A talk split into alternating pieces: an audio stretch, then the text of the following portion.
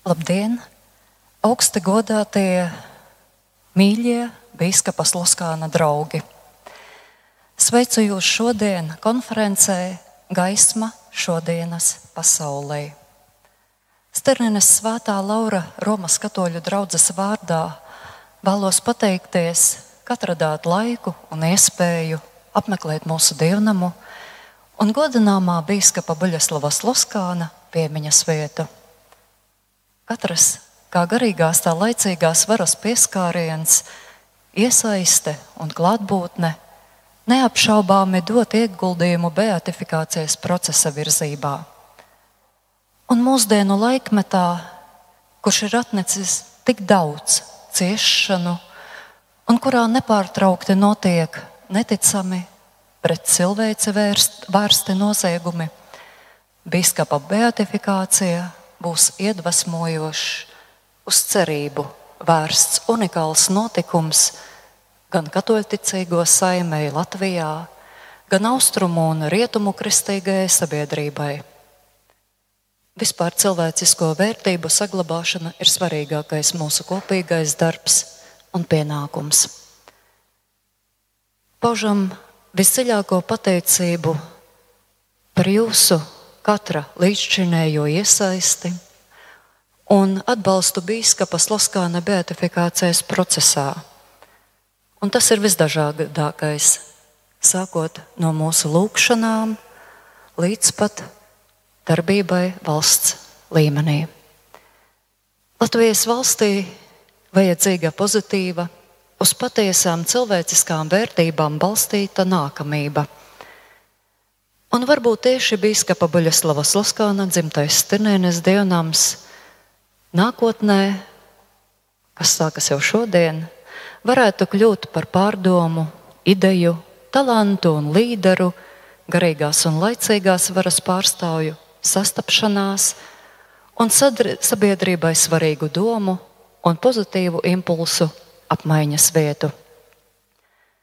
Šodien pateicos, ka ar savu klātbūtni mūs godina un, kā vienmēr, arī savas kadences laikā kādreiz ir atbalstījusi un tā turpina šobrīd. Veronika Erte, bijusī Latvijas vēstniece pie Svētā krāsla. Paldies Varakļānu novada pašvaldības priekšsādātājam, Paldies cienījamajiem konferences dalībniekiem, kas ir mērojuši tālus ceļus profesoram Andrim Marijam Jerumanim, profesoram Andrim Priedem, priesterim Lucas dekanāta dekānam Jākabam Doļam, profesorai Rūtai Muktupāvalai, doktoram Gintam Apalam, profesoram Klaudiju Rivjeram, profesoram Valdim Muktupāvalam.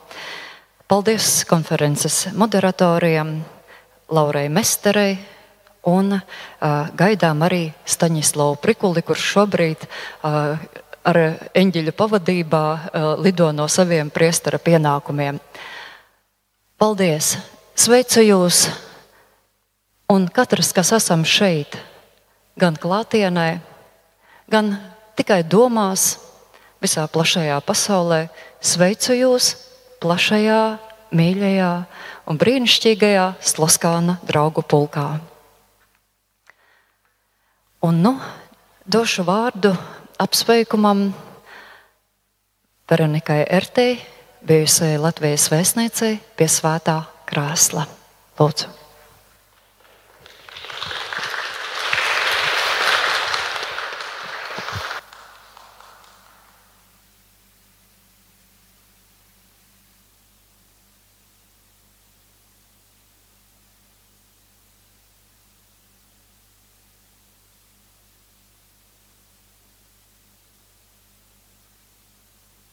Godātais Varakļānu novada domes priekšsēdētāji Māri Justakungs, ļoti cienījamā Ieva Zepas kundze, dārgie bīskapa Sloskāna draugi. Esmu pārliecināta, ka mēs visi ar lielu saviņojumu esam pulcējušies Stirnienes dievnamā, lai godinātu bīskapu Sloskānu viņa 130. dzimšanas dienā. Stirnieni ir godināmā bīskapa dzimtā puse. Tā ir skaista tradīcija, ka augusta nogalē Stirnienē notiek bīskapas Loskāna dienas. Dzimšanas dienas svinību programmā iekļautie pasākumi ļauj iepazīt bīskapas Loskāna lielā ticības, cilvēku mīlestības, cilvēcības apliecinātāja personību. Un tā ir iespēja aktualizēt viņa dzīves piemēru un veikumu plašākam sabiedrības aprindām.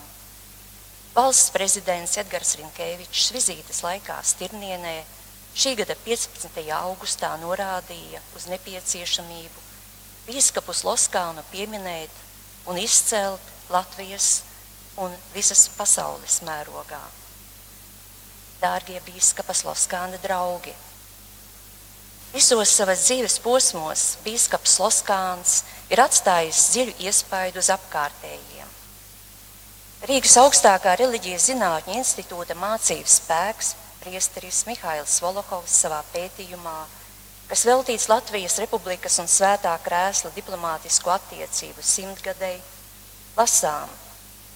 Kapustuliskais nuncijas arhibīskaps Antonino Arata savā 1940 gada noslēguma ziņojumā raksta citēju. Monsignors Loskāns ir Latvijas klēra pērle. Citāta beigas. Svētais krēsls ir novērtējis bīskapas Loskāna dzīves izcilību. 2004. gadā pāvests Jānis Pāvils II piešķīra bīskapam Loskānam godināmā titulu. Svinot bīskapa 130. gadu jubileju šajā brīnišķīgajā dievnamā, kas glabā liecību par bīskapu Sloskānu, varam uzticēt viņa aizbildniecībai, mūsu personīgās un visas valsts vajadzības. Un atļaujiet man izteikt sirsnīgu pateicību visiem godināmā bīskapa Sloskāna dienu rīkotājiem, īpaši Ievai Zepas kundzei un Stirnienes draudzes prāvestam Arturam Mozgam. Paldies!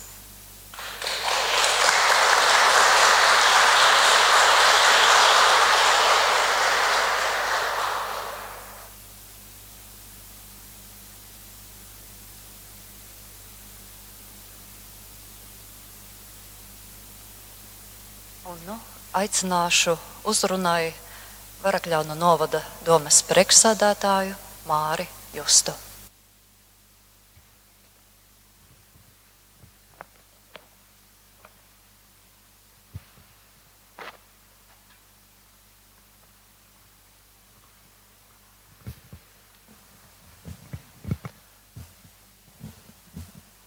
Sveicu visus šodienas dalībniekus, un ne tikai šodienas svētku dalībniekus, jau otro dienu un arī dīdienu.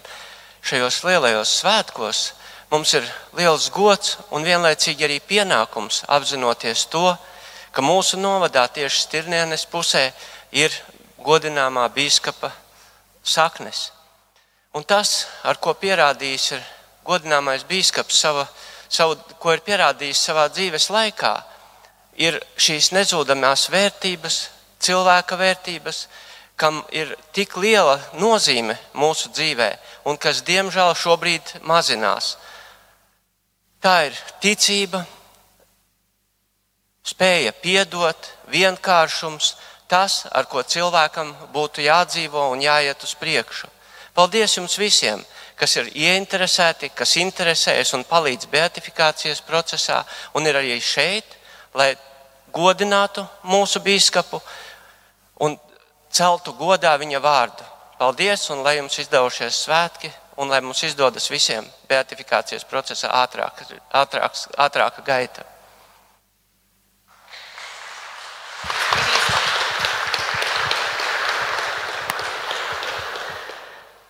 Vārds apsveikumam Varakļānu dekanāta dekānam Mikšto Česlavam.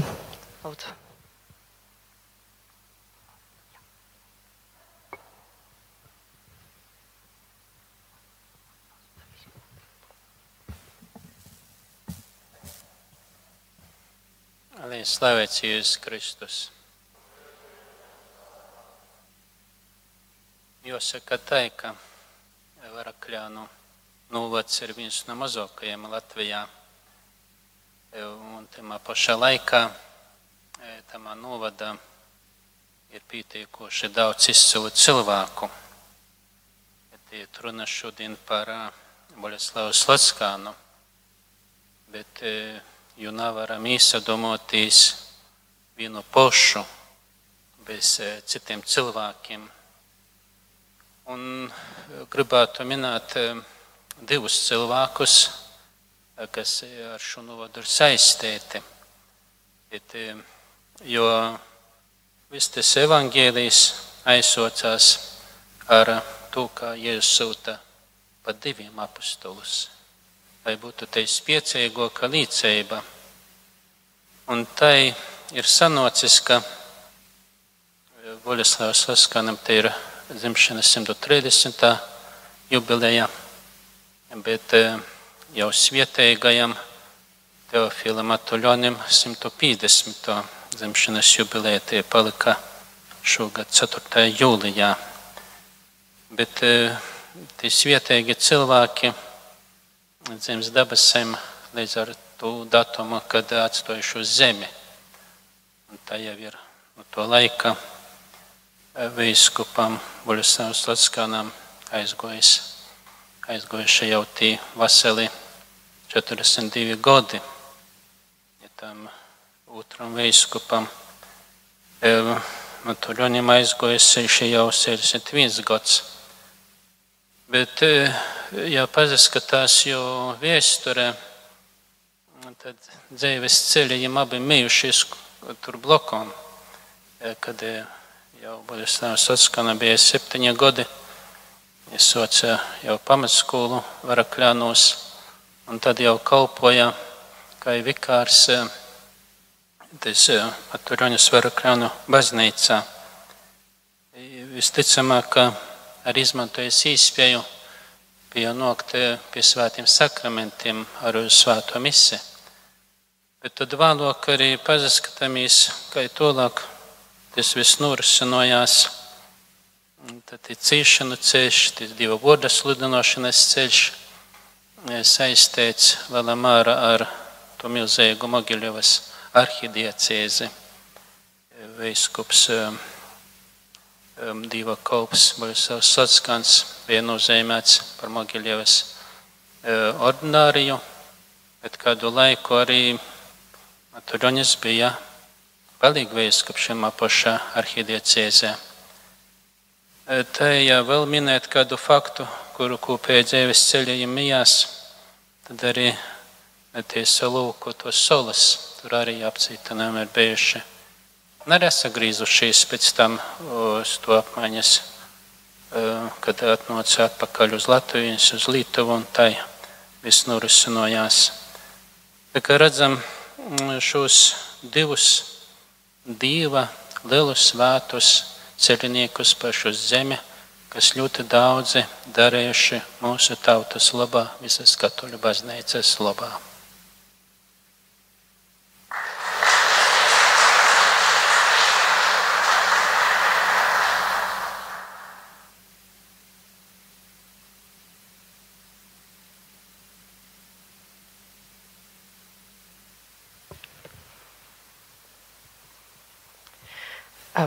Paldies visiem apsveikumu vārdiem, un ar to mēs varētu iesākt arī konferenci.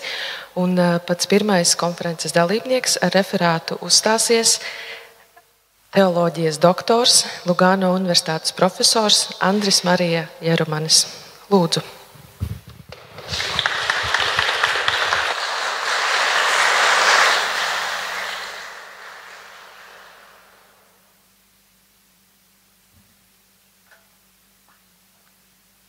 Dārgie bīskapas Loskana draugi, tā jūs jau var saukt. Bez jūsu tituļiem, bez jūsu goda tituļiem. Dzīvē vajag atbildēt uz trīs pamat jautājumiem. Kā filozofs Kants to kādreiz teica, no kurienes mēs nākam, uz kurienes mēs ejam, un kādu ceļu mums ir jāiet, pa kādu ceļu mums ir jāiet. Bīskaps Loskāns ir viens no tiem, kas var mums palīdzēt atbildēt uz šiem trim jautājumiem. Arī šodien mēs bieži vien esam aizmirsuši, no kurienes mēs nākam, uz kurien mēs ejam un kāds ir mūsu ceļš, kam mums ir jāseko. Mums ir šī laime šeit, Latvijā, atrasties šajā baznīcā 130 gadus pēc Kristus, pēc uh, biskapa Sloskana, godinamā biskapa Sloskana dzimšanas dienā. Un mēs atrodamies tieši šajā baznīcā, kur viņš tika kristīts. Iejot šajā baznīcā, jūs redzējāt viņa kristējumu trauku.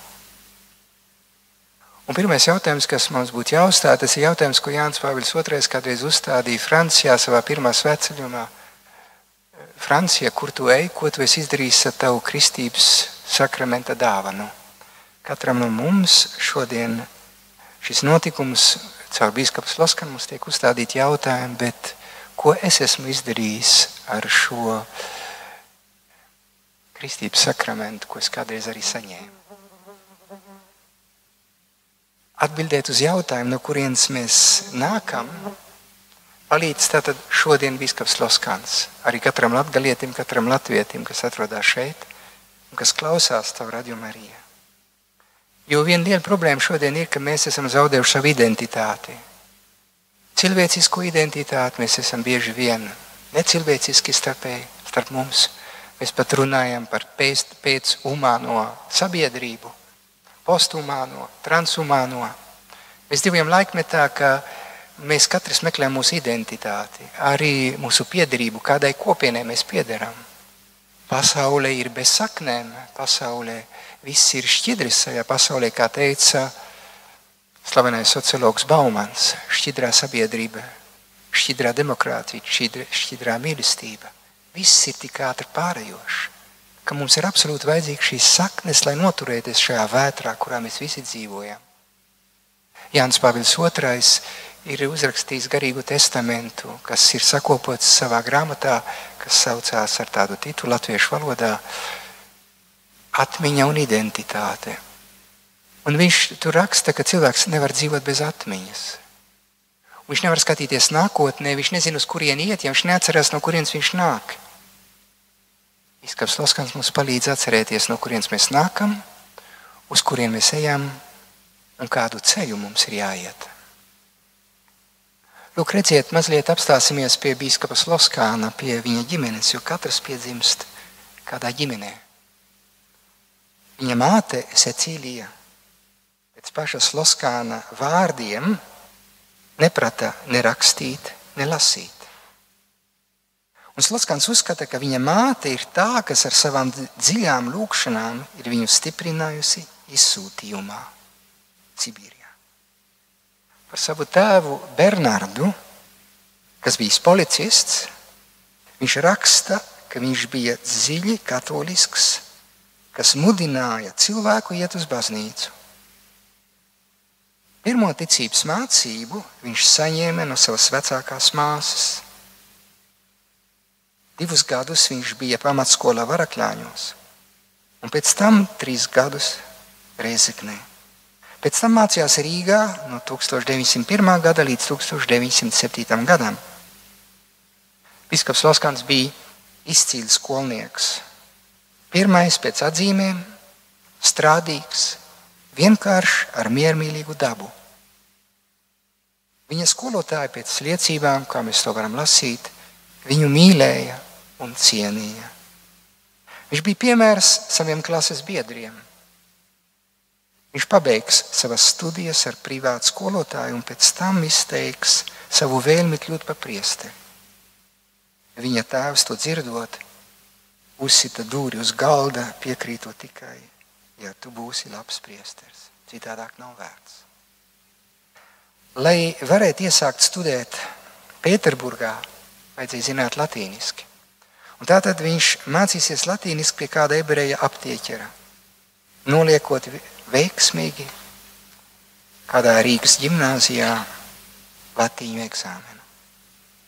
Un tā spērs seminārā slieksnī 1911. gadā, ejot kungam pa pēdām, viņš tiks iesvietīts par priestri 21. janvārī 1917. gadā un vēlāk par biskupu 1926.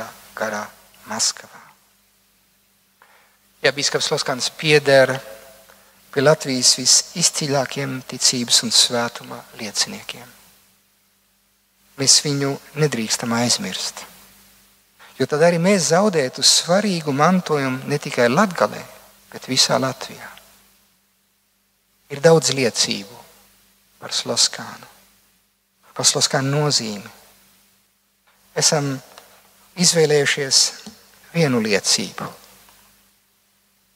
Tā ir no Latvijas rakstnieces trimdā Amerikā Babres kundze, kas ir uzrakstījusi ļoti daudz garīgas grāmatas. Viņa atcerās par Sloskānu daudzas skaistas lietas, un mēs caur viņas meditāciju tiekam arī ievest šajās dienās, ko mēs te svinam. Ir cilvēki, raksta Babrē, kas ar savu personību vada un iespaido daudzus. Svētīgi, kam ir spēja virzīt jaunatni uz augstākiem mērķiem. Tāds ir mūsu mīļais biskups Sloskāns. Šo daudzo pulkā, kuriem viņš spēja parādīt ejamo ceļu, esmu arī es, saka Bābras kundze. Vienmēr ar pateicību dziļi liecu galvu savā skolotāja priekšā. Pirmo reizi biskups Loskānu sastapu kara laikā Jaunaglonā 12. augustā jauniešu rekolekcijās. Viņu sagaidījām gimnāzijas pagalmā. Viņš gāja lēni, taisnu gaitu, balss un slaids, pārāk kalsens saviem gadiem. Viņa zilās acis, mierīgas un dziļas, skatījās uz mums ar lielu maigumu un mīlestību. Vai Kristus tā bija skatījies uz tiem, kas bija sapulcējušies lai viņā klausītos. Visa biskupa stāja, gaita, sejas izteiksme pauda svētumu, pārdabisko gaisotni, Kristus mīlestību. Tas bija manas pirmās rekolekcijas, visiespaidīgākās un neaizmirstamas, ko vadīja biskups Loskants. Bet likās, ka Kristus pats tās vadā. Vēl šodien dzirdu Sloskana vārdus. Kungs atver manas lūpas un mana mute teiks tavu slavu. Vārdus, ar kuriem bīskaps uzsāk savu pirmo konferenci, un kurus viņš atkārtoja katrā konferencē kā vadmotīvu. Šie lūkšanas vārdi stāv atmiņā. Tie bieži skanējuši priekos un bēdās tumsā vientulībā, atstājot dzimteni un atrodot jaunu zemi. Tie pavadīs visu mūžu un mūžībā. Vairākas konferences tika noturētas dārzā, kur biskups tevišķīgi maigā balsī mums sacīja: Skatieties uz kokiem, uz zāli, klausieties putnu dziesmās, izjūtiet saules siltumu, puķu smaržu un dienas vidums mieru. Vai jums vajadzīgs vēl cits pierādījums dieva esamībai? Un katrā no mums sirds pulsēja līdzīgi ar dabas saskanīgo ritmu. Es ticu, tu esi. Tu visu vadi. Vadi arī mūs. Pēcpusdienā gājām krusta ceļu. Kungs atver manas lūpas, un mēs mācījāmies no biskupa piemēra pateikties par sāpēm, par ciešanām. Klusībā mēs pateicamies par izturību un dieva žēlastību dotu mūsu biskupam izciest Sibīrijas spaidu darbus, kāpjot līdzi pestītājiem Golgotas kalnā, cilvēces cietsirdības un akluma upura kalnā, kurā vēlāk sekoja latviešu priesteri Litaunieks, apšnieks, strots, pudāns, turks un daudzi, daudzi citi Kristus noliedzēju ateistu upuri. Dārgie Sloskāna draugi, mēs nedrīkstam aizmirst bīskapu Sloskāni. Šodien Viss iet tik ātri, mums pat laika nav apstāties. Jā, es tik vēlos izcelt vienu aspektu, un ar to arī noslēgt šo ievadu konferenci. Bābre saka, ka svētīgi ir tie, kuri ir spējīgi vadīt jaunatni uz visaugstākiem ideāliem. Šodien Latvijai ir vajadzīgi un Latvijai ir vajadzīgi ideāli. Mēs esam tukši, mūsu ideāli ir virspusēji tukši, ideāli. Pietiek paskatīties avīzē, filmās un to, kā mūsu jaunatne runā. Pietrūkst piemēru. Sloskans ir viens no tiem piemēriem, ko mēs varam dot kas mums parāda, eh, kas parāda arī jaunatnē, vēl šodien kāds ceļš būtu ejams. Nekaunēsimies par šiem svētajiem, runāsim par tiem, atcerēsimies to, ko viņi ir darījuši. Pat ja Sloskans nav izsludināts par svētu, viņš ir godinamais. Un, lai kļūtu par godināmo, tas ir vissvarīgākais. Ir jāatzīst, ka kāds ir dzīvojis svētumā, ka visas liecības par viņu ir, ir patiesas, Un kad viņš ir piekopis likumību varonības līmenī. Tas pirmais posms tika izpētīts un izdarīts. Un tieši tāpēc 2004. gadā Bīskaps Laskans tika pasludināts par godināmo.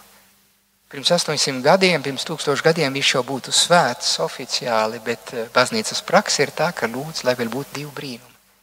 Nekas jau nepietrūkst, jā, pietrūkst divi brīnumi. Viens brīnums, lai būtu par svētīgu, un divi, lai būtu par svētu. Bet tas ir atkarīgs no jums. Tur, kur ir atmiņa, tur, kur cilvēks sanāk kopā, tur, kur lūdz Dievu, caur viņa aizbildniecības, caur sloskana aizbildniecības, lai notiktu kā brīnums. Tātad visās mūsu grūtībās, visās mūsu situācijās sanāksim kopā, izvēlēsimies un lūksimies sloskā, lai notiek tas brīnums. Jo nav tik viegli atzīt brīnumu. Saskanam ir daudz brīnumi, kas ir. Ir, bet nav pierādīti. Bet mēs zinām, ka viņš ir svēts. Mēs zinām, ka Dievs dara daudz brīnumus. Bet, diemžēl, vajag visu dokumentēt, un tas arī ir labi. Un vajag arī izturēt komisiju. Mums bija viens brīnums, jā, Beļģijas ārsti bija atzinuši, ka tas ir neizskaidrojams. Bet komisija Romā, viens no pieciem ārstiem teica, bet varbūt tas varētu būt izskaidrojams tā. Tā ir tā zinātniskā puse bet mums viņš ir svēts.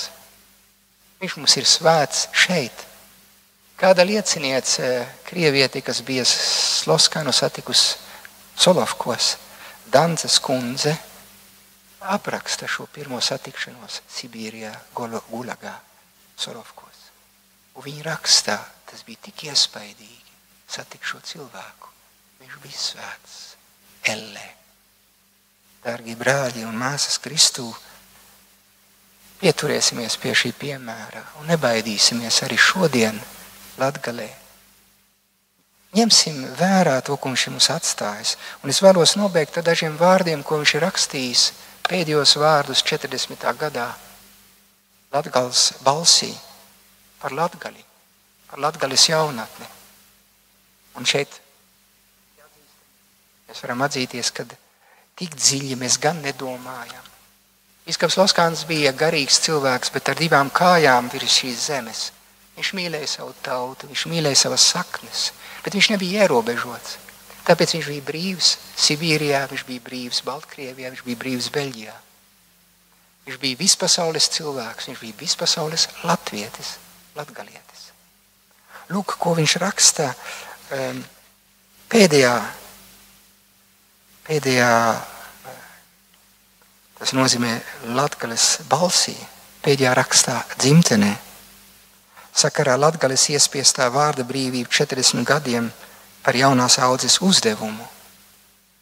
Tur te viņš paliek aktuāls. Nav noslēpums, ka Latvija reizē ar pārējiem Latvijas novadiem vēsturisko tautu saimē noteikti ienāca tikai ar kristības pieņemšanu. Katolicisms bija tas spēks, kas latgali turēja veselus gadsimtus.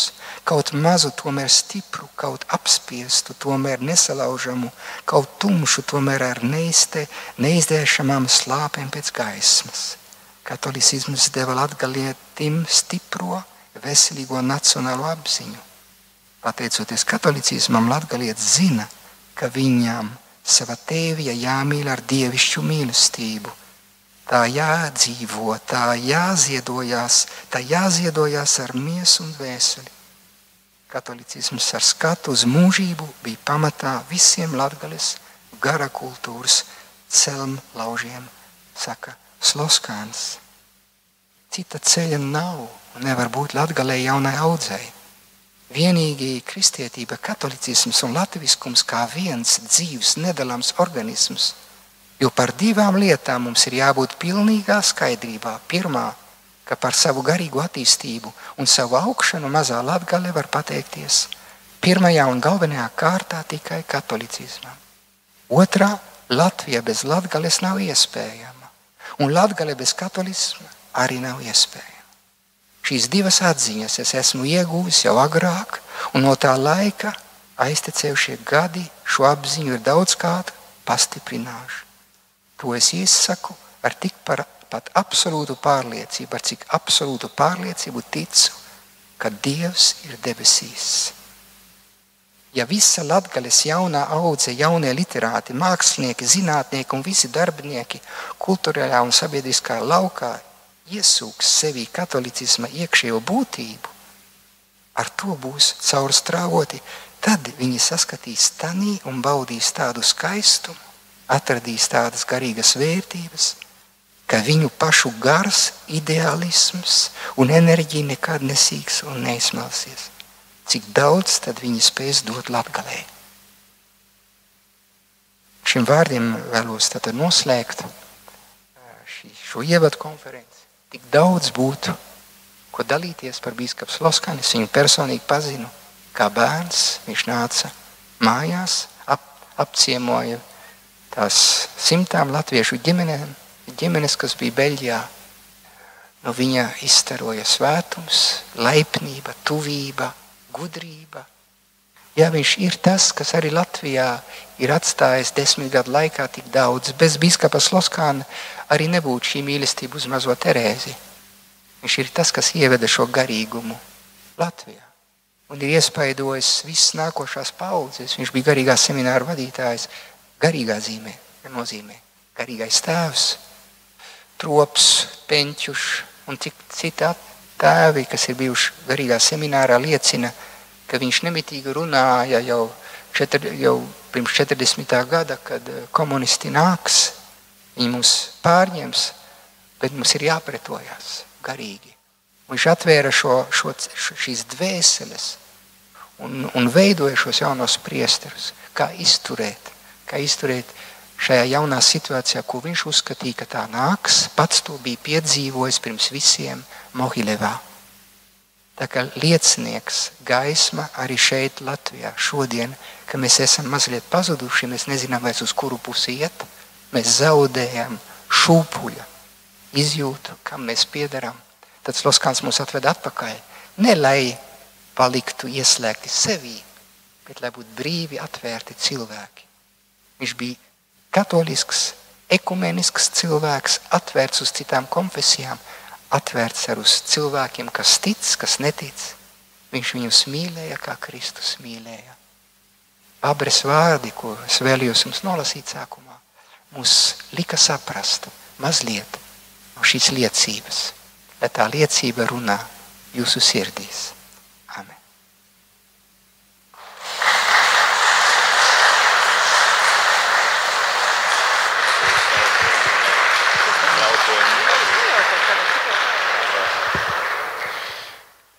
Tad mēs eh, sirsnīgi pateicamies Andrim Marijai Jerumanim par šo skaisto līdzību. Un es domāju, ja kādam ir vēl kāds jautājums, ir īstenībā uzdot tagad. Man pat īsībā man bija jautājums, bet jūs jau atbildējat par to, ko gribētu tīši jauniešiem novieliet Sloskāns, un viņš teica par katolicismu tīši, ka tas ir to, tos saknes, un te ir mūsu um, būtība arī piederība tam, kas var noturēt mūsu identitāti un palīdzēt augt garīgi. Tā kā paldies par eh, šo skaisto līdzību. Un arī mēs um, gribētu aicināt, kā nokamo profesoru, teoloģijas fakultātes docentu, baznīcas viestures doktoru, profesoru Andri Prīdi, kurš arī ir eists latgaļīts, eists patriots Latgales un Latvijas patriots, un lūksim arī viņam teikt vārdus. Kristus Stanislavs. Nu, Dārgie Veiskopas Loskāna draugi, pēc tādiem vārdiem, kā prīsteris Staņislavs mani pīsacēja, nu, astai nedrīkstu pārīt uz savu dzimtu čiluļu mieli. Būs jāpasacenšos latgaļiski, no es nezinu, kā izīs, ka īva, ka īva, kā tā teikt, latgales kultūras sardzies tovošana sāk man miest ar kādām nošu partitūrom par to, ka neizadūs tai, ka, tai, ka Prīsters Taņislavs jūs man pisacējāt, nu, es jau tur aiz kūstu, jau aiz prīcas. Labi, bet turpinājot tēmu, ko cienījamais mans bijušais profesors Andris Marija Jerumanis pīsacēja, tātad, kas mēs, citējot seno Lionas baznīcas tēvu Irinēju, kas mēs esam, uz kurienes mēs nākam un uz kurien mēs ejam, Nu, ļoti bieži mākslās un uh, literatūrā atkārtots, atcerēsimies, piemēram, to pašu Paulu Gāna gleznu. Nu, tad mēs varam uh, turpināt. Profesors nosauca um, biskupa Sloskāna uh, agrīnās dzīves datumus un datus, e, kādu, kādā skolā gājis, cik gadus mācījies Varakļānos, cik gadus Riezeknē, pie kā mācījies e, latīņu valodu. Brīnišķīgi. Nu, tagad no tā saldā ēdiena, kad viss tiek pasakīts priekšā, uz to savukārt pāriesim uz to rupi maizi, latgalīšu rupi maizi. Nu, kādi bija biskupa Sloskāna pienākumi nonākot trimdā. Mēs apstājāmies profesora Jarumaņa prezentācijā līdz vietai, ka viņš sagatavo mūsu nākamos garīgos tēvus, kā eh, to pašu eh, Peņķu tēvu vai Monsignoru Tropu eh, seminārā ar savu piemēru. Mēs palikām līdz pēdējai publikācijai 44. gadā. Kas ar viņu notiek 40, 44. un 45. gada mijā? Kas notiek ar biskupu Sloskānu? Tā jautājums, ka mēs uzdosim. Laura, lūdzu, jūs kā Sloskāna novadniece, dzimusi Stirnienē, kas ar Sloskānu notiek 44, 45? Uzvedinošs jautājums A. Viņu izsūta uz Sibīriju, B. dodas ceļojumā gaisa balonu. Kas? Jā, un kāpēc? Viņš nonāk trimdā pareizi atbildēt vācu varas rīkojums, nu, faktiski esesieši izved visus tātad Latvijas augstākos garīdzniekus, pareizcīgo metropolītu Augustīnu Petersonu, Lutāņu arhibīskapu Teodoru Grīnbergu un trīs katoļu biskupus - Rancānu, Sloskānu un Urpšu.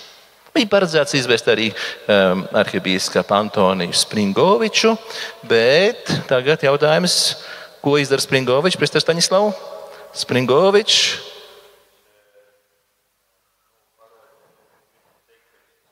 Jā, ģeniāli.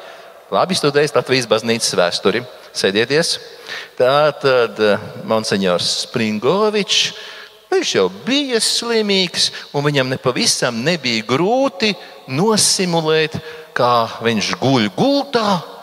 Un tad, kad ierodās esesieši, lai vestu projām, viņš atrodas savā vecāku vasarnīcā. Un, un kad piezvan pie dārza vārtiņiem, tad viņš hops, gultā iekšā. Māsas mēģina ģērbtrot Springoviču, uzvelk māsiņas ķitelīti, lēnām aiziet līdz vārtiņiem un ierodās esesieši un skatās. Tur Springovičs guļ un vaid un saka, veidiet mani ar visu gultu. Nu, tās no visiem biskupiem Latvijā paliek tikai Springovičs un Sloskāns nonāk trimdā. Nonāk rietumos trimdā, un nākošais jautājums kādus pienākumus viņam trimdā uztic svētais krēsls un latviešu sabiedrība? Nu, tas ir jau tāds grūtāks jautājums, kā mēs to uzdosim. Kas ir tā? Kas, à, ceļ roku, ja? Brīnišķīgi. Valdi, jūs cēlāt roku. Sakiet, droši, droši. Jā, tā bija viņa iniciatīva. Bingo, bet, eh, bet ne tas, ko es gribēju sadzirdēt. Eh, garīgais seminārs bija tāds, ka cilvēks nesēž mierā un, un nesaka, man tāpat tās ir labi. Eh, sēdēšu Luvēnas benediktīniešu abatijā un klausīšos, kā dzied eņģelīši. Tur ceļ roku, ko Vatikāns viņam uztic. Tātad latviešu un īgauņu trimdas, un kāds ir kanoniskais nosaukums šai aprūpei, plus vēl 52. gadā viņam tiek uzticēts ne tikai tātad latviešu un īgauņu, bet vēl vienas nācijas bēgļu aprūpe - Baltkrievu. Baltkrievu, Baltkrievu studentu, eh, studentu teiksim, kopiena, tas viss ir uz Sloskāna pleciem. Eh, interesanti, ka ir rietumu un arī austrumu Baltkrievu vizitātori līdz pat 2005. gadam, kad Čikāgas arhibīskaps slēdz, piemēram, Baltkrievu grieķu katoļu draugu Čikāgā, nu, tad, tad vienmēr viņi atsaucās uz to, ka arī tas ar biskups Sloskānu atbalstu un svētību. Bet kāds ir kanoniskais nosaukums tam, kas atbild pār šiem bēgļiem? Nu, mums ir kanonisko tiesību doktorantūras eh, students. Nu, kādi ir varbūt uzvednoši jautājumi? A. Relācija infulāts, B. Mm, B. Kambarkungs, C. Vizitators. A, B vai C variants? Jā, tas, kurš nemitīgi dodas ceļā un apkalpo. Starp citu, ja mēs esam apkopojuši tās liecības par vizitācijām, man, piemēram, Arī cilvēki ir uzticējuši ļoti interesantas liecības par, par Sloskānu. Viena ir Priestera Augustīna Žilvinska māsas gleznotājas Jadviga Žilvinskas liecība, bet otra ir no vienas vizitācijas Stokholmā.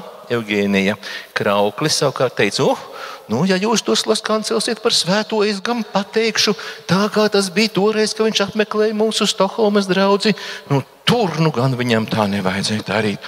Nu, liecības, ja tu vizitē, nu, tas ir, ir liela atbildība. Nu, par ko gribam vēl tagad vilkt paralēles, kad mēs esam noskaidrojuši, kāds ir uzdevums trimdas vizitatoriem. Vilksim paralēles ar tādu pašu esesiešu izvestu 40.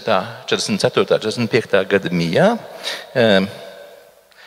Novadnieku atsevišķu diecēžu prelatūru un etnis, etnogrāfisku kopienu novadnieku, vēl vienu interesantu kopēju, kas ir uzrakstījis 2015. gadā zināmu reakciju uz to, ko par ko es gribu aktualizēt šo tēmu, par vizitātoru amatu likvidēšanu. Ceļā uz darbu mazu gabaliņu pirms aizdambja mājas, kur mani gaidīja darbnīca ar šo to iesāktu. Starp saules puķiem aiz dārza žogi krītu stāvēja kurbjūnu kungs. Dāvāja man smaidu, kas pastiepa platumā viņa grumbaino seju un teica: Nu, mīlīt, kas no dievs notiekās politikā? Man atbilde padevās par plašu. Ciems, kurā mēs to laiku dzīvojām, tāpat kā visi ciemi starp ziemeļu un austrumu jūru pēc kara beigām, bija spiests uzņemt neskaitāmus mūsu austrumu Prūsijas un Pemorānijas bēgļus. Šo papildinājumu nevarēja nedzirdēt. Daži ilgadzīvotāji labprāt un bieži stāstīja par agrākiem laikiem. Viņi runāja tāpat kā Kurbjūna kungs. Tas tikai viņš vienīgais sveicināja man ar mīlību līdz vairs nestāvēja starp saules puķēm. Viņus devēja par padzītiem no dzimtenes. Līdz ar viņiem ir valoda, kura bija sildījusi mani kopš bērnības, un kuras atliekas es gribēju saglabāt, bet veltīgi. Palicis ir vienīgi kurbjona kunga jautājums, kas nu tiesa notiekās politikā? Taču aizmirstas ir manas atbildes. Ik rītu pārdārza žogu. Varbūt atšifrēsiet Autors savā pēdējā krājumā par beidzamību. Latviešu valodā tulkojusi Silvija Brice. Eh, par kādu, par kādu etnogrāfisko kopienu, kas varētu būt šis autors, kas stāsta par Austrumprūsijas brīnišķīgi. Grinders grās, jūs esat vinnējusi ceļojums Dāncīgi, tikai nopērkiet pati biļeti, protams. Uz Gintera grāsa, tā tad dzimto pilsētu, un kāpēc es vilkšu tagad tās paralēlas? Svētais krēsls Sloskānu nozīmē tātad latviešu, latviešu un igauņu, un arī Baltkrievu. Un Sloskānam pēc iespējas viņš cenšas meklēt, kam tālāk uzticēt. Jo visnegudrākais, ko katoļu baznīcā var darīt, ir sagrābties iespējami daudz amatus, un tad, ko nevar celt, to nevar nest, saka, sakām vārds. Un tad tos nespēt pildīt. Sloskāns skatījās, vai tur kam varētu monsenjors Ručs un kam, kam, kam sadalīt šos, šo atbildību, lai būtu kas, kas to darītu tālāk. Identiska situācija, identiska situācija ir ar tātad austrumu viņa minētā Gintergrāsa minētajiem Austrumprūsijas un Pomerānijas bēgļiem. Ermlands Biskaps. Ermlande um, no vārdiem ermi ērmi. Es atvainojos, viena no senprūšu ciltīm, bet nosaukums ērmi, jeb ērmi. Latviešu valodā skan ļoti labi. Nezinu, kā, vai lietuviešu valodā vārdam ērmas arī ir tāda pat nozīme kā latviešu. Nav, bet nu, tad senprūšiem droši vien. Bet no Ermlanda vai ne nāk no tās vienas mūsu cilts, vai ne? Ermlande vai arī otra versija Vārmija. 1242. gads, Vārmijas diecēs, viena no mūsu Rīgas metropolijas sastāvdaļām, sufragānu biskupijām. Līdz pat 1992. gadā, kad tā kļūst par nu, sastāvdaļa līdz Rīgas arhidiecēs likvidēšanai 1560. gados, un tad vienīgā, kas no mūsu metropolijas ir paaugstināta par arhidiecēs 92. gadā. Nu, un Vārmijas biskups, tātad Maksimilians Kallers. Tieši tāpat kā Sloskāns, vai Rancāns, vai Jurpšs, vai Peters, Petropolīts Petersons vai, vai Grinbergs, ar esasiešu piespiedu līdzekļiem tiek deportēts uz rietumiem. Armijas biskups, tātad, kura pārziņā ir visa, visa austrumprūsija līdz pat Dancigai, līdz pat Dancigai, kur ir izveidota savu diecēze, e, kuru kā pirmais biskups vadīja mūsu latviešu snobiski nopeltais un atstumtais e, monsenjors Orurke. Tātad Jāzepa Rancāna delegācija uz Romu, ka mums tādu profesoru Rurki nevajag. Viņš nepietiekoši labi runā latviešu valodā. Nu, Pāvests viņu iecēla par Dancigas biskupu. Un Staņislavs Kučinskis savā laikā Romā man saka, jā, Mēs, mēs 40. gados ar, ar Monsignoru Rūrki brīnišķīgi sarunājamies latviešu valodā. Nu, labi, tā tad Austrumprūsijā ir viena diecēze Ermlande, tāda ir Danciga, kurā bija mūsu Rūrke, kas arī pats ir to Vārmijas biskapu Kalleru bijis līdzkonsekrātors, un trešā ir tāda Šneidemīlas apostoliskā administratūra. No visām trim biskupi tiek izvest uz rietumiem. 45. gada augusts, fronte ir pārgājusi pāri. Bīskapī ir sadalīta uz geogrāfisku un politisku, tagad uz pusēm. Ziemeļdaļa ar Königsbergu ir padomju okupācijas zona, dienvidu daļa ar Alštinu, jeb Allensteinu, ar Fraunburgu, Bīskapa katedrālu Fromborgu ir Polijas teikt, okupācijas zona. Un Monsignors, Monsignors Kallers izmanto iespēju atgriezties atpakaļ. Visiem par lielu pārsteigumu. 45. gada augusta pirmās dienas biskups atgriežas atpakaļ, bet kas ar viņu notiek? Viņš pagūs nozīmēt vēl divus ģenerālvikārus, vienu polijas okupācijas zonai, otru padomju. Un tas interesantākais kurjos, ka padomju zonā, tagadējā Kaļiņģeradā, viņa nozīmētais vikārs Pauls Hoppe drīkst divus gadus līdz 47. gada definitīvajām vāciešu deportācijām eh, palikt. Bet no poļu zonas Augustīns Hlons, polijas primas, pieprasa biskupam pamest diecēzi un nozīmē pats savu administratoru. Biskups Maksimilians Kallers arī mīļā miera labad paklausa šim polijas primas rīkojumam, bet saglabā Ermlandes biskupa titulu. Un līdz savai nāvei, 47. gadā, viņš ar trimdā devušos Ermlandes kapitulu joprojām ir nomināli Ermlandes biskups, kaut arī viņam ir tikai viens ģenerālvikārs tagadējā Kaļiņģeradā, bet Polijas daļā, kur ir absolūtais vairākums, neviena. Pēc viņa nāves 47. gadā domkapituls ievēl kapitulu vikāru. Cienījamais kanonists, kā pareizi saukt domkapitulu ievēlētu vikāru? Kapitulu vikāriju vāciski, bet kā tad latviešu valodā mums, mums nekad redz, mums, diemžēl, domkapitulu Springovičs neatjaunoja, kaut arī Latvijas 38. gada sinodas statūtos tas ir paredzēts. Nu, mums līdz ar to nav pieredze, kā tāds nosaukt, un pāvests 47. gadā Pīs 12. apstiprina, ka lūk, šis domkapitula, Ermlandiešu domkapitula ievēlētais kapitula vikārs ir likumīgs Ermlandes biskupijas pārstāvis.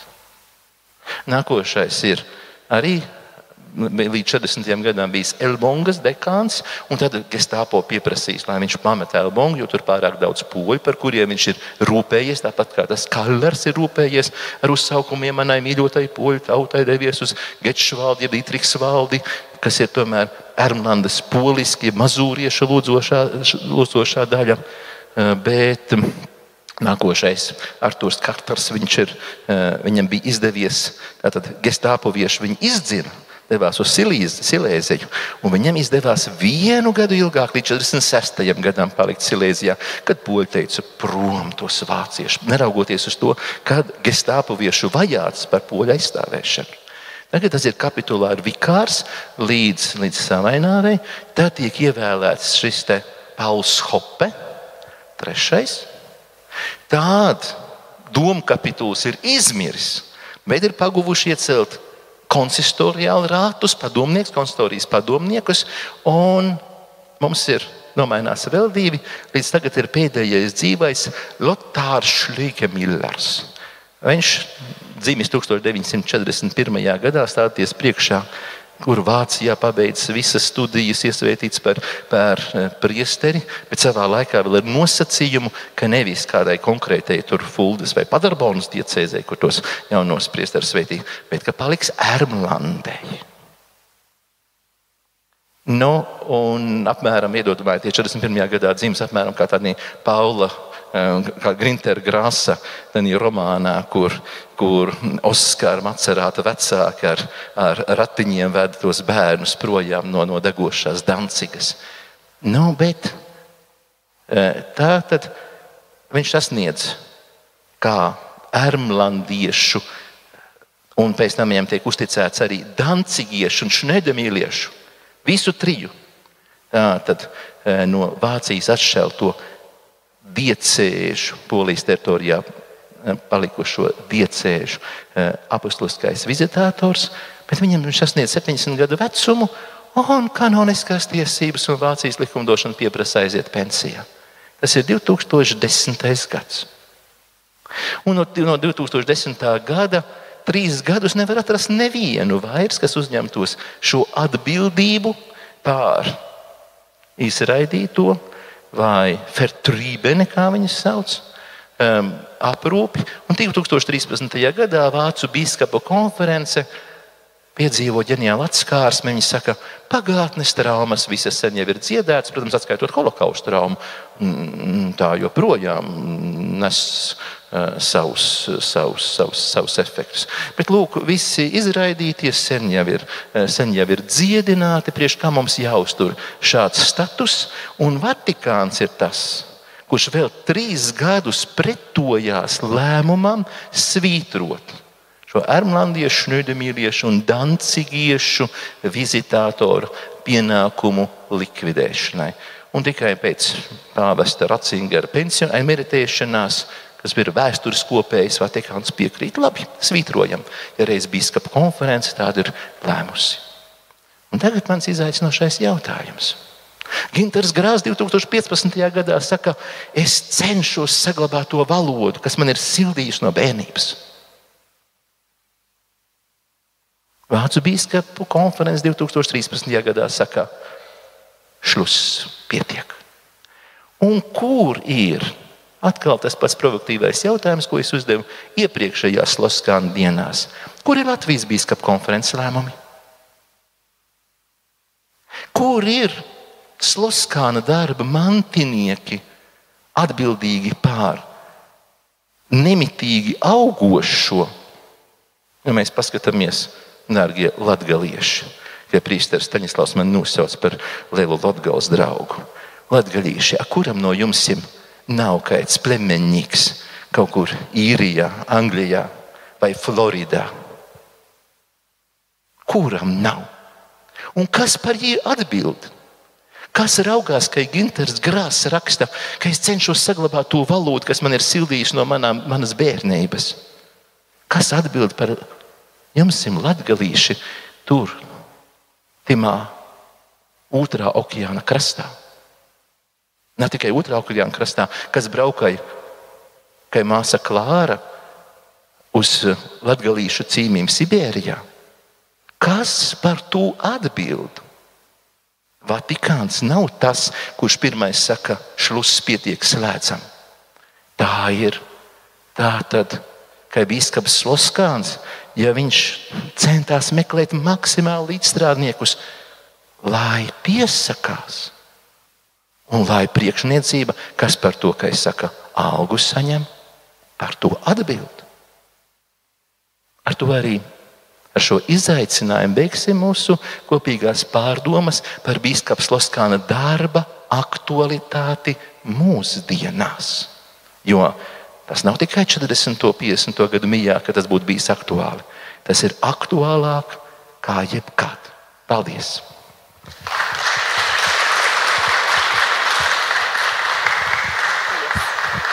Paldies!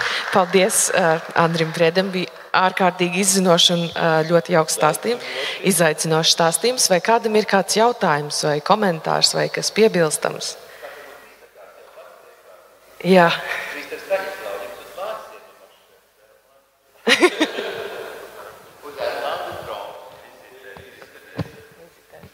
Vēlreiz paldies, eh, sirsnīgs paldies Andrim Priedam.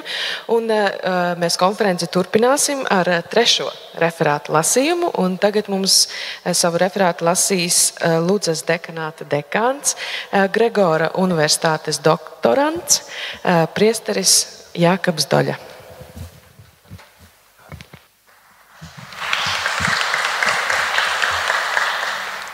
Lai tu slavēts Jēzus Kristus!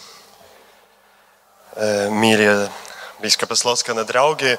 Eh, paldies eh, rīkotājiem par šo iespēju šeit būt. Cik interesanti, ziniet, telefons atgādina, kur būt pirms gada, pirms diviem. Es pirms diviem gadiem, laikam nezinu, varbūt pēdējo reizi, biju apmeklējis tieši Solovecu salas jā, privātā pateicības brauciena. Tas jau bija otrais brauciens, pirmais bija pirms deviņiem gadiem. Un, e, jā, tad e, zināmi notikumi karš, un tagad nezinu, vai kādreiz Dievs vēl ļaus. Un pirms diviem gadiem būs tieši šajās dienas e, tur, un tagad esam šeit. Un, jā, šeit mēs varētu tā teikt, esam atfontes. Tieši šeit mēs esam pie avota, pie kristības avota. Un ar šo nelielu referātu man gribētos ieskatīties arī pie biskupa Sloskana aicinājuma avotiem. Tātad es domāju, ka daudzi no mums te ik viens pazīst Sloskāna bīskapa devīzi, jeb moto, rakstītu zem viņa bīskapa ģērboņa, hostie pro fratribus. Man viņu skaidroja vēl pusauģa gados, kad pirmo reizi Aglonu apmeklēju, pēc Aglonas dievmātes apmeklējuma uzreiz bija jākāp pie viņa kapa un tad veda pie emblēmas un tad stāstīja, lūk, tās nozīmi un arī latinisku uzraksta tulkojumu. Hostie profratribus, jeb latviski upuris par brāļiem. Man vēl godīgi, nezinu, varbūt profesors eh, Priede varētu palīdzēt to pētīt, jo nav precīzu datu par ģērboņa izveides laiku. Tomēr jāpieņem, ka episkopāla heraldika un moto laikam nebija primārais uzdevums slepenas konsekrācijas laika 26. gada Lubenkā kā nu tagad e, e, nāk no Romas e, nomina no pāvesta, un tad jau parādās lūk, ar dizainierim, ar dažādiem heraldistiem izveidotais ģerbonis jaunievēlētam biskupam. Gerbonis mums ir pazīstams, redzam tajā ievainoto jēru ar saliekto, saliekto galvu, nogu, kas ir nogulies uz aizzemogotas grāmatas Jāņa apakalipses vīzijas ilustrācija, kas it kā paskaidro cilvēcisku upura saikni ar dieva upurjēru Kristu, kurš atdod savu dzīvību. Tas it kā arī izskaidro bīskapa ciešanu ceļu. Tomēr šajā nelielajā ieskatā es gribētu pievērst eh, mūsu uzmanību biskupa Mota hostioprofrātrības izcelsmei. Mana ieskata, tā ir mana tēze, kuru varētu attīstīt eh, varbūt kāda nākotnes pētījuma. Varbūt kāds arī cits varētu to izpētīt. Stāšanās biskupa amata bolševiku Krievijā bija tieši saistīta ar vajāšanām. Tāpēc upura tēma un nodoms e, moto vārdos šķiet e, skaidrs. Tomēr ir ar, e, ka, man ir tēze par to, ka tā ir dziļākas saknes. Tagad, tāpēc es gribētu tagad to paskaidrot. Lūk, pēc iesvētīšanas par priesteri Pēterpīlī 17. gadā 24 gadus vecs jaunpriesteris Borislavs Loskans ierodas Latvijā. Ļoti neliela vizīte. Mājas, Lūdzē, visa viņa ģimene pārceļas vēlāk uz Lūdzu un e, apme, ir apmetušas tieši Lūdzes tuvumā. Viņa draudzene kļūst Lūdzes baznīca, Lūdzes draudzene. Un parasti dzimtajā draudzē, draudzē, kur ir ģimene, jaunpriesteris e, svin savu tā saukto primīciju, jeb jauniesvētīta priestere pirmo svinīgo misiju. Un kā vēsti piezīmē uz primīcijas kārtītes, kas šeit, e, piedošana par kvalitāti, tieši ir mūsu acu priekšā, tas notika Lieldienu atsvētē jeb otrajās lieldienas, eh, kas jāsaprot ar to, ka pirmās lieldienas, jeb rezurekcijas diena nebija sevišķi piemērotas primīcijas eh, svinīgajai misei un svētībai. Lūdzas baznīcas izvēle, protams, bija arī saistīta ar ģimenes atrašanos tobrīd eh, tieši Lūdzā. Brālis dzīvoja Zvirgzene, kas arī Lūdzas draudzene un vecāku mājas bija blakus esošai iztalsnē.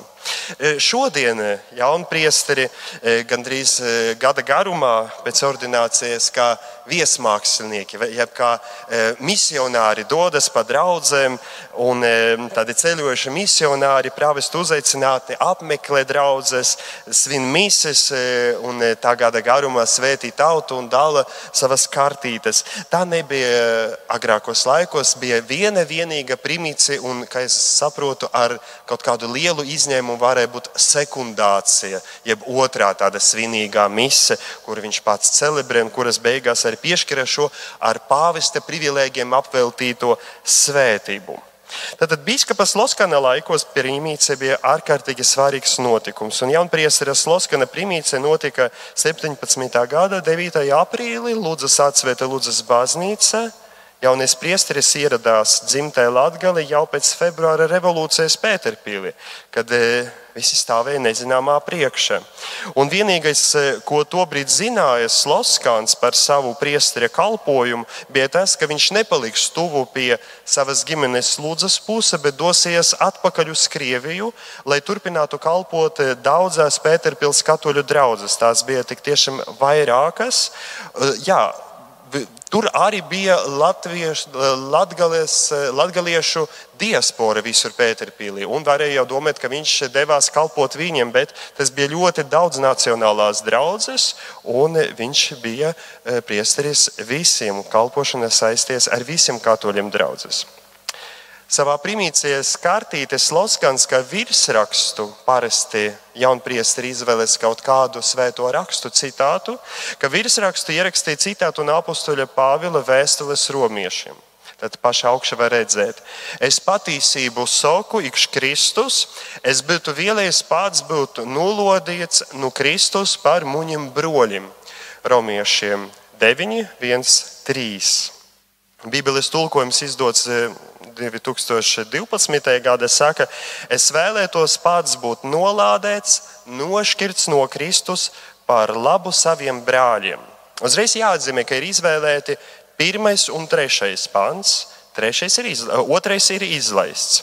Kopā 9. nodaļas pirmie trīs panti, kopā ar izlaistu pantu skanētu. Es saku patiesību Kristu, es nemeloju, arī mana sirdsapziņa to apliecina svētajā garā.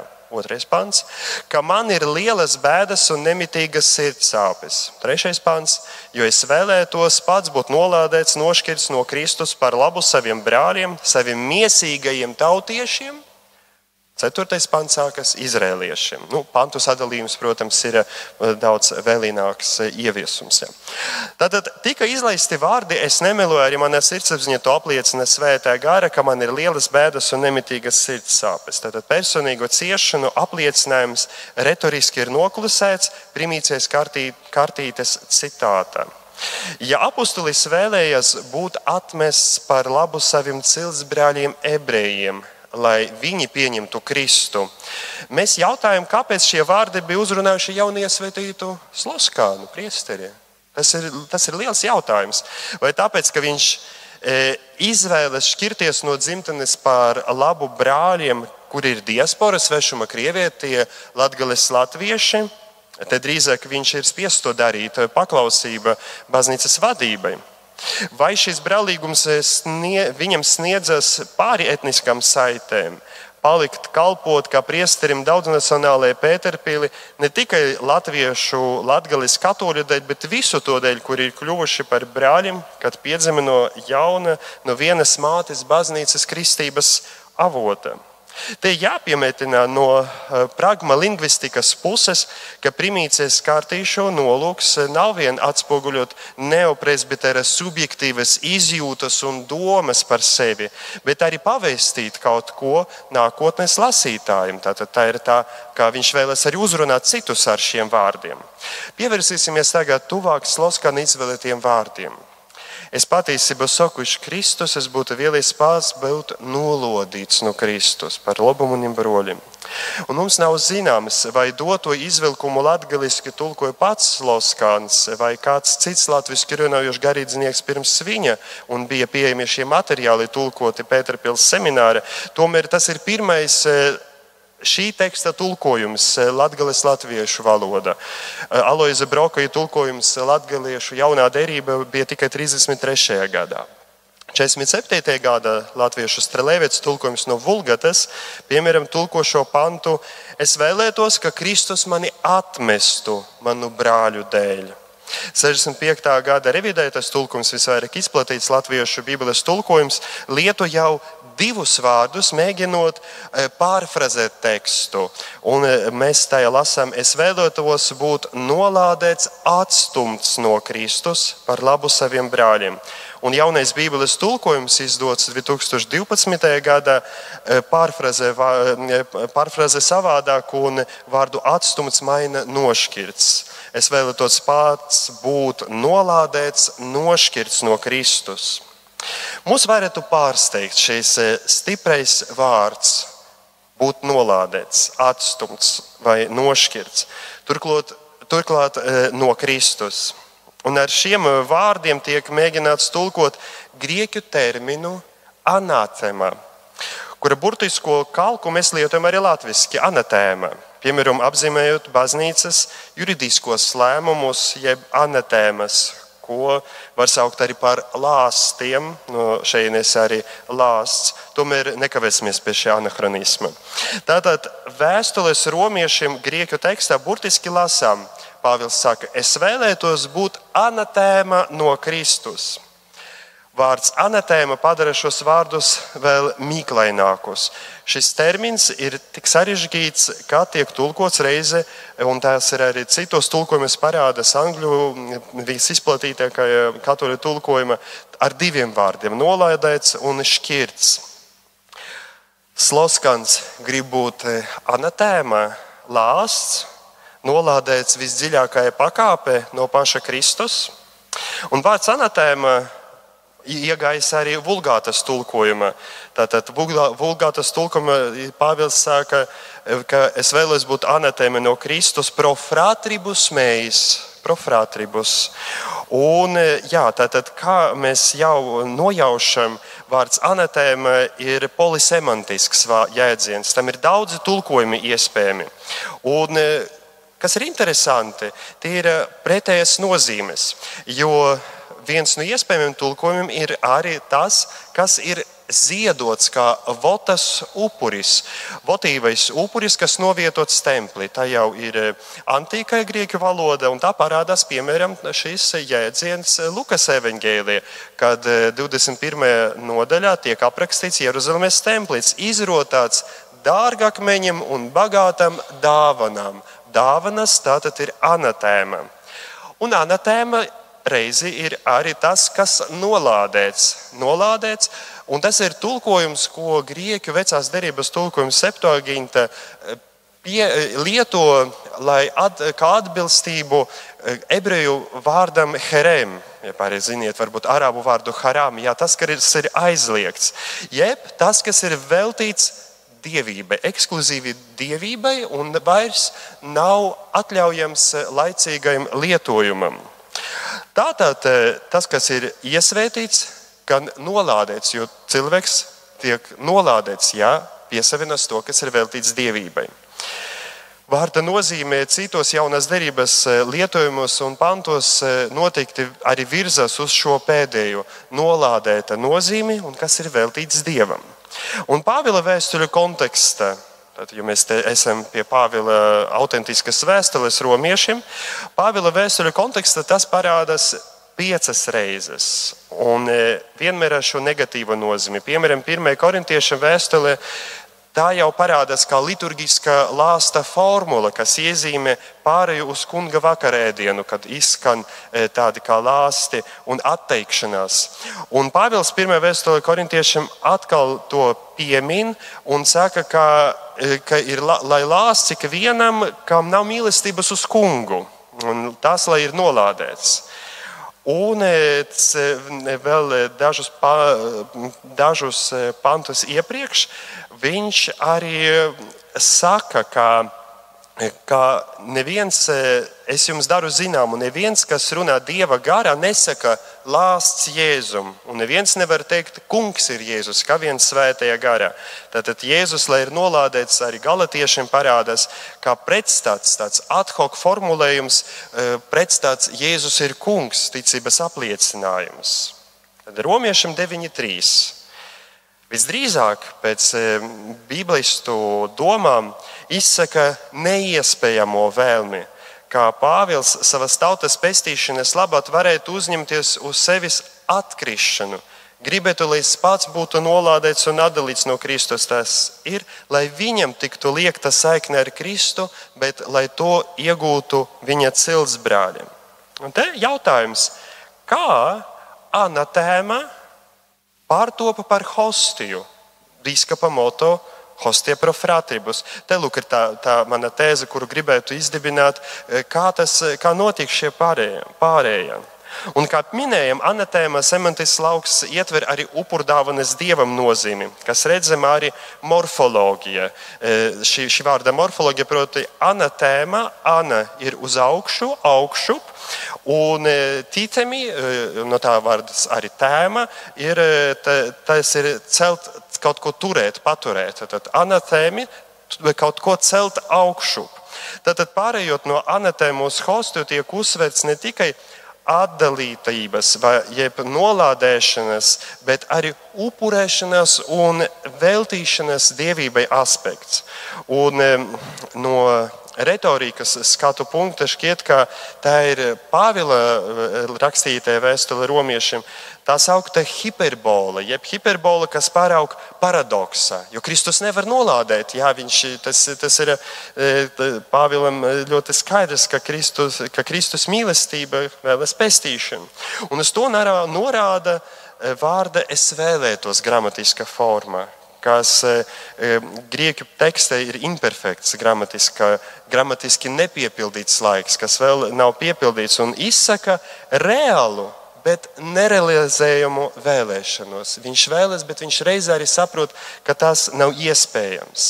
Tādējādi hiperbola atspoguļota Pāvila psihes un gribas stāvokli, šo poantu viņa vēlēšanos lai citi būtu pestīti, gatavību atdot savu dzīvību par brāļiem līdz galējībai, būt anetēma no Kristus, gatavību veikt žēlsirdības aktu Pāvilam tik tuvē tā sauktā kenotiskai aspekta, jeb kenoze, sevis iztukšošanās gara.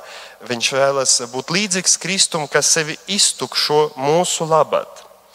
Tātad visu izskaidro mīlestība, kas ir gatava iztukšoties un pazust cita dēļ.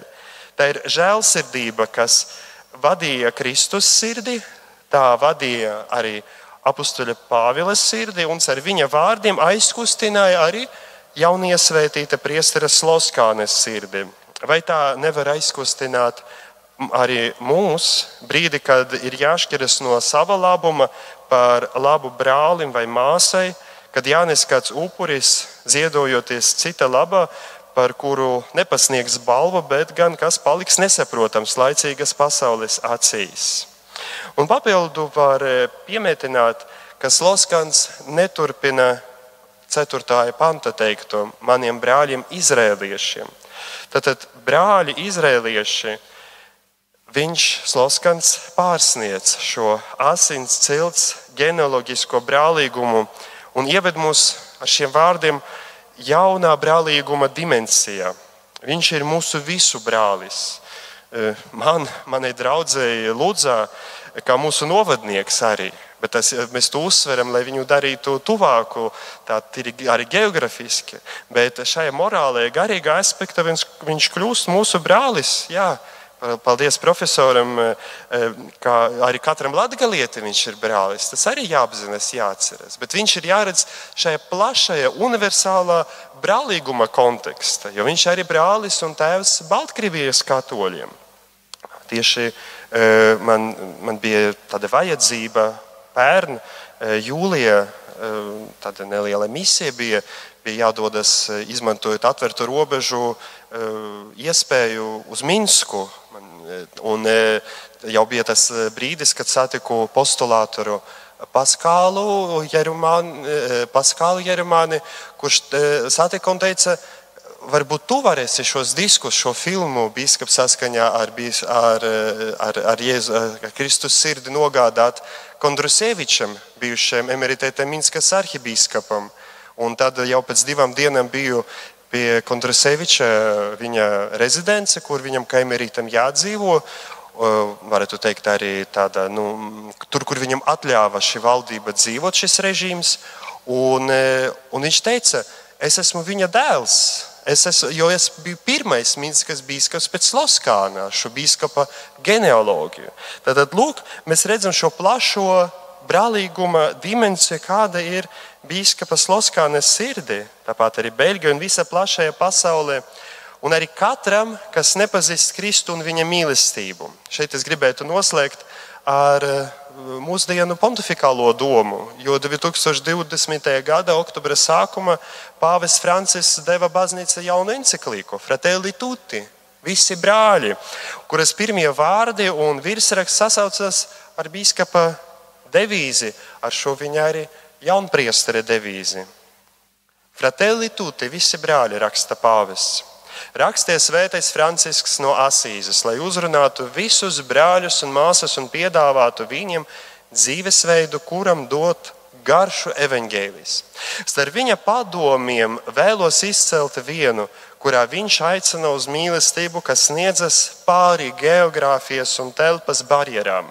Šeit viņš pasludina par svētīgo to, kurš mīl otru, kā tad, kad viņš ir tālu no viņa, tikpat ļoti kā tad, kad viņš būtu viņam blakus. Ar šiem dažiem vienkāršiem vārdiem viņš paskaidro atklātās brālības būtību, kas ļauj atzīt, novērtēt un mīlēt katru cilvēku ārpus fiziska tuvuma, ārpus vietas pasaulē, kur viņš ir dzimis vai kur dzīvo. Hostie pro fratribus. Var daudz pētīt šo saikni plašai kontekstā, kādi bija garīgi vingrinājumi Pēterpils, garīgais semināra, kādi bija, kādas bija dienas grāmatas šiem semināristiem, kā, kā varēja būt iespaidots biskups Loskans, kas viņam deva šo vārdu, kuru viņš tik ļoti dziļi pieņēma savā sirdī, pieņemot priesteres svētības, liekot šos vārdus latgaliski drukātajā primīcijas kārtītē. Bet mēs redzam, ka šis vārds bija tik spēcīgs, ka tas iedarbojas biskupa sirdī, un biskups to lika kādreiz, lai tas arī iedarbojas mūsos. Un vai tas mudina arī mūs atvērties universālajam brālīgumam? Un, ja pat tas saistās ar daudziem, daudziem upuriem, upuri par brāļiem. Paldies!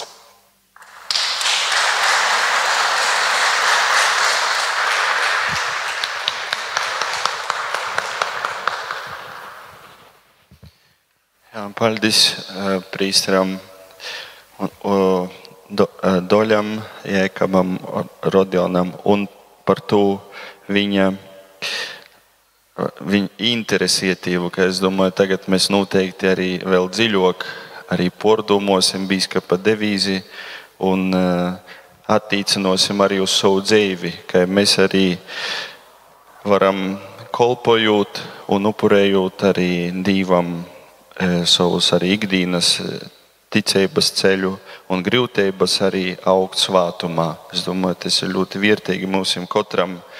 Liels paldies un arī, protams, mums joturpināja arī mūsu arī skaistais pasaukums.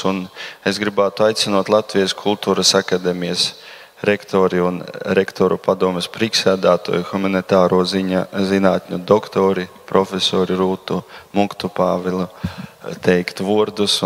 Gribu teikt, ka viņi arī ir tos mūsu broļības arī līdziniece, ka mēs visi esam šeit kopā. Sveicināti, cienījamās Tirnienes draudzene, godējamā profesūra, garīdzniecība, kungi un dāmas. Paldies par uzaicinājumu. Jūtos ļoti pagodināti. Protams, paldies Ieva. Paldies Doļas kungam par lielisko hermenētikas paraugu. Manuprāt, tiešām sāksim arī vairāk varbūt analizēt un iedziļināties katrā bīskapa Sloskāna vārdā. Un sirsnīgs paldies arī profesoram Priedam, kas ļāva sajusties, atgriezties savā ziņā studentu solā. Bez manis sākat iedvesmot mani turpināt studijas, pameklēt, ko vēl varētu pastudēt. Un, protams, liels paldies arī profesoram Jarmanim. Pēc jūsu ievada man jau likās, ka es varu savākt savas mantas un braukt uz mājām, jo saklausīju visus atslēgas vārdus un pat autorus. Bet jā, jūs aizgājāt ļoti skaisti pie biskupa Boleslava biogrāfijas un tādas skaistas atcerēšanās.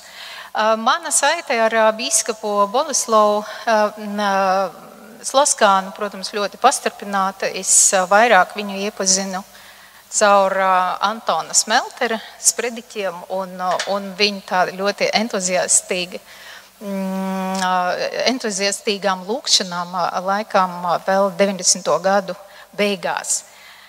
Bet atgriežoties pie sava uzdevuma un savas tēmas, mana tēma tātad ir garīgums 21. gadsimtā identitātes kontekstā.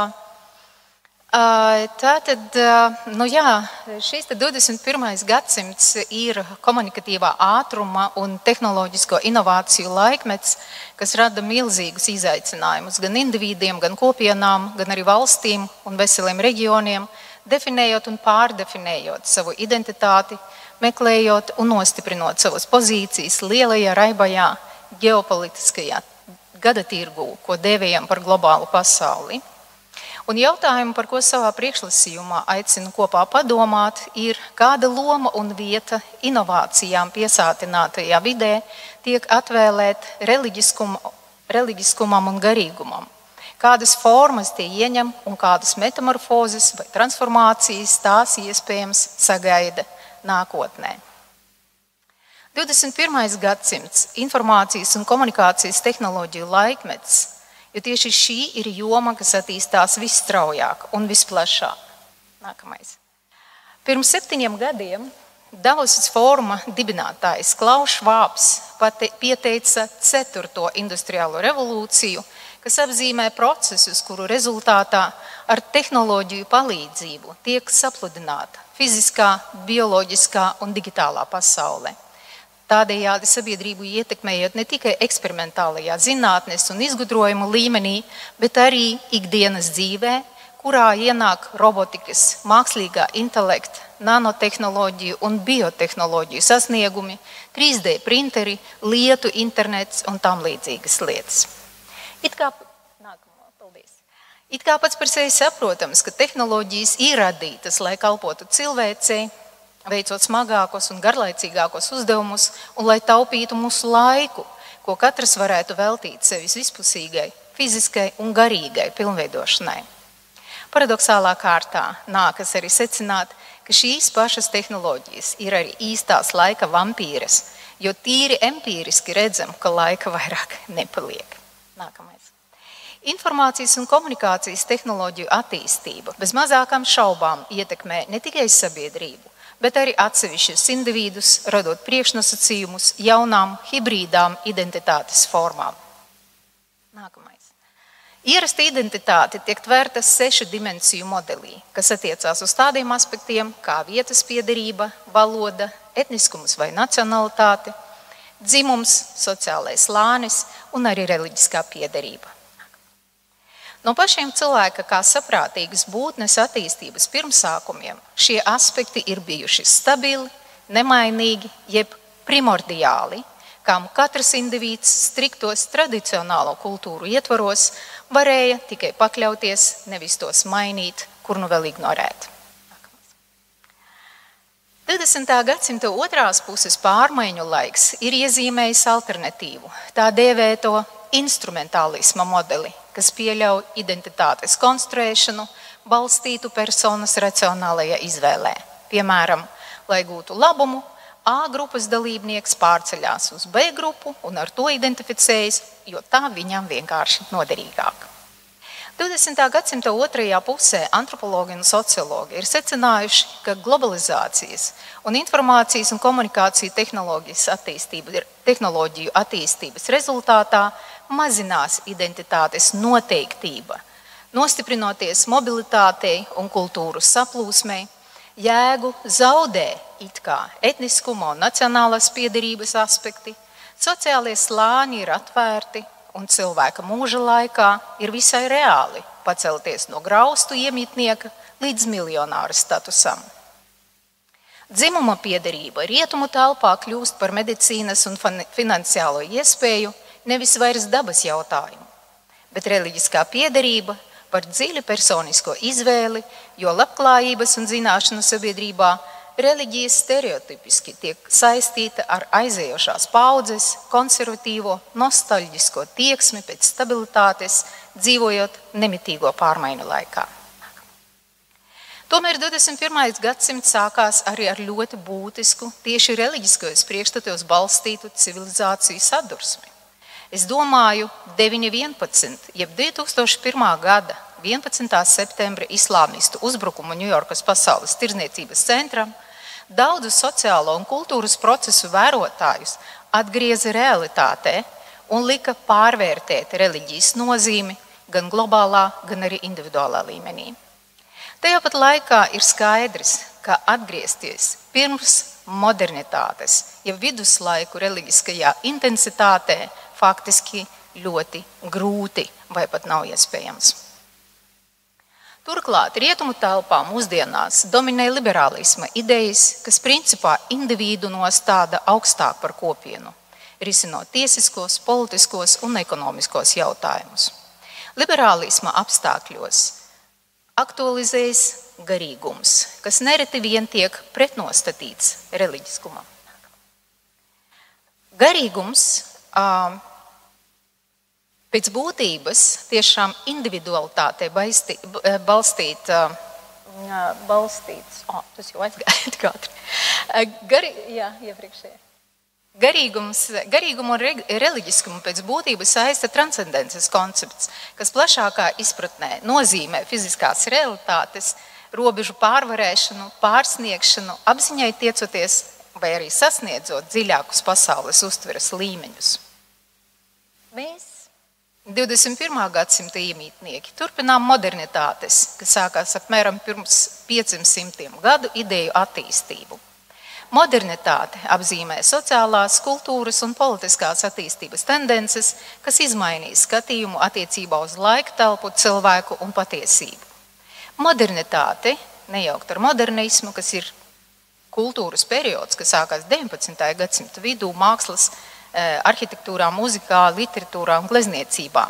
Tātad eh, modernitāte savos pirmsākumos sniedz renesanse, kas, nu, kad notika šis būtiskais pagrieziens no viduslaiku teocentrisma uz antropocentrismu, ko lieliski ilustrē tā dēvētā Vitrūvija cilvēka attēls. Nākamais.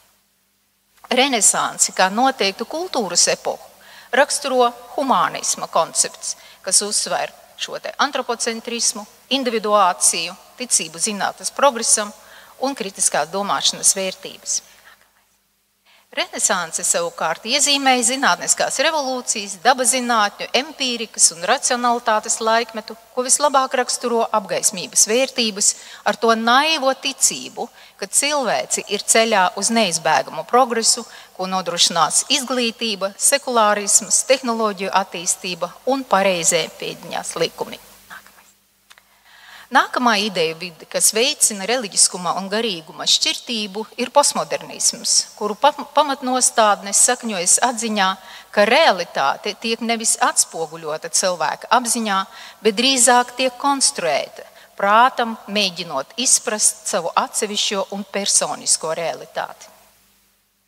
Šobrīd sociokultūras procesu vērotāji runā par metamodernisma epohu Metamodernisms ir termins, kas tiek lietots tiecoties konceptualizēt, identificēt un aptvert 21. gadsimta postindustriālo globālo informācijas un komunikācijas tehnoloģiju laikmetu.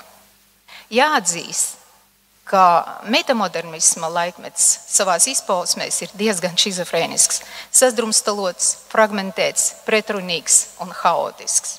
Tas mēģina apvienot modernismu un pos, ar postmodernismu, pievēršoties dzīves sarežģītībai un paradoksiem.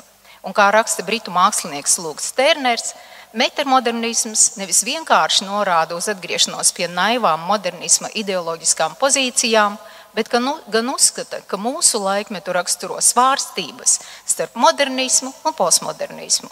Mēs to uztveram kā zināmu, informētu naivumu, pragmatisku ideālismu, mērenu fanātismu, kas vārstās starp sirsnību un ironiju, dekonstrukciju un konstruēšanu, apātiju un emocijām, cenšoties sasniegt kaut kādu pārpasaulīgu pozīciju, it kā to satvert būtu mūsu spēkos.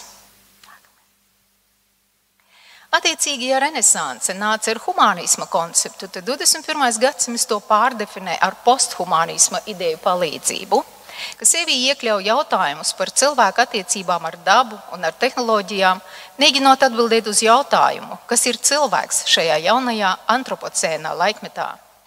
Antropocēns tas ir periods, kas sākās faktiski ar industrializāciju un kurā cilvēka darbība ir noteicoša un dominējoša ietekme gan uz klimatu, gan uz vidi, gan uz dzīvi kopumā.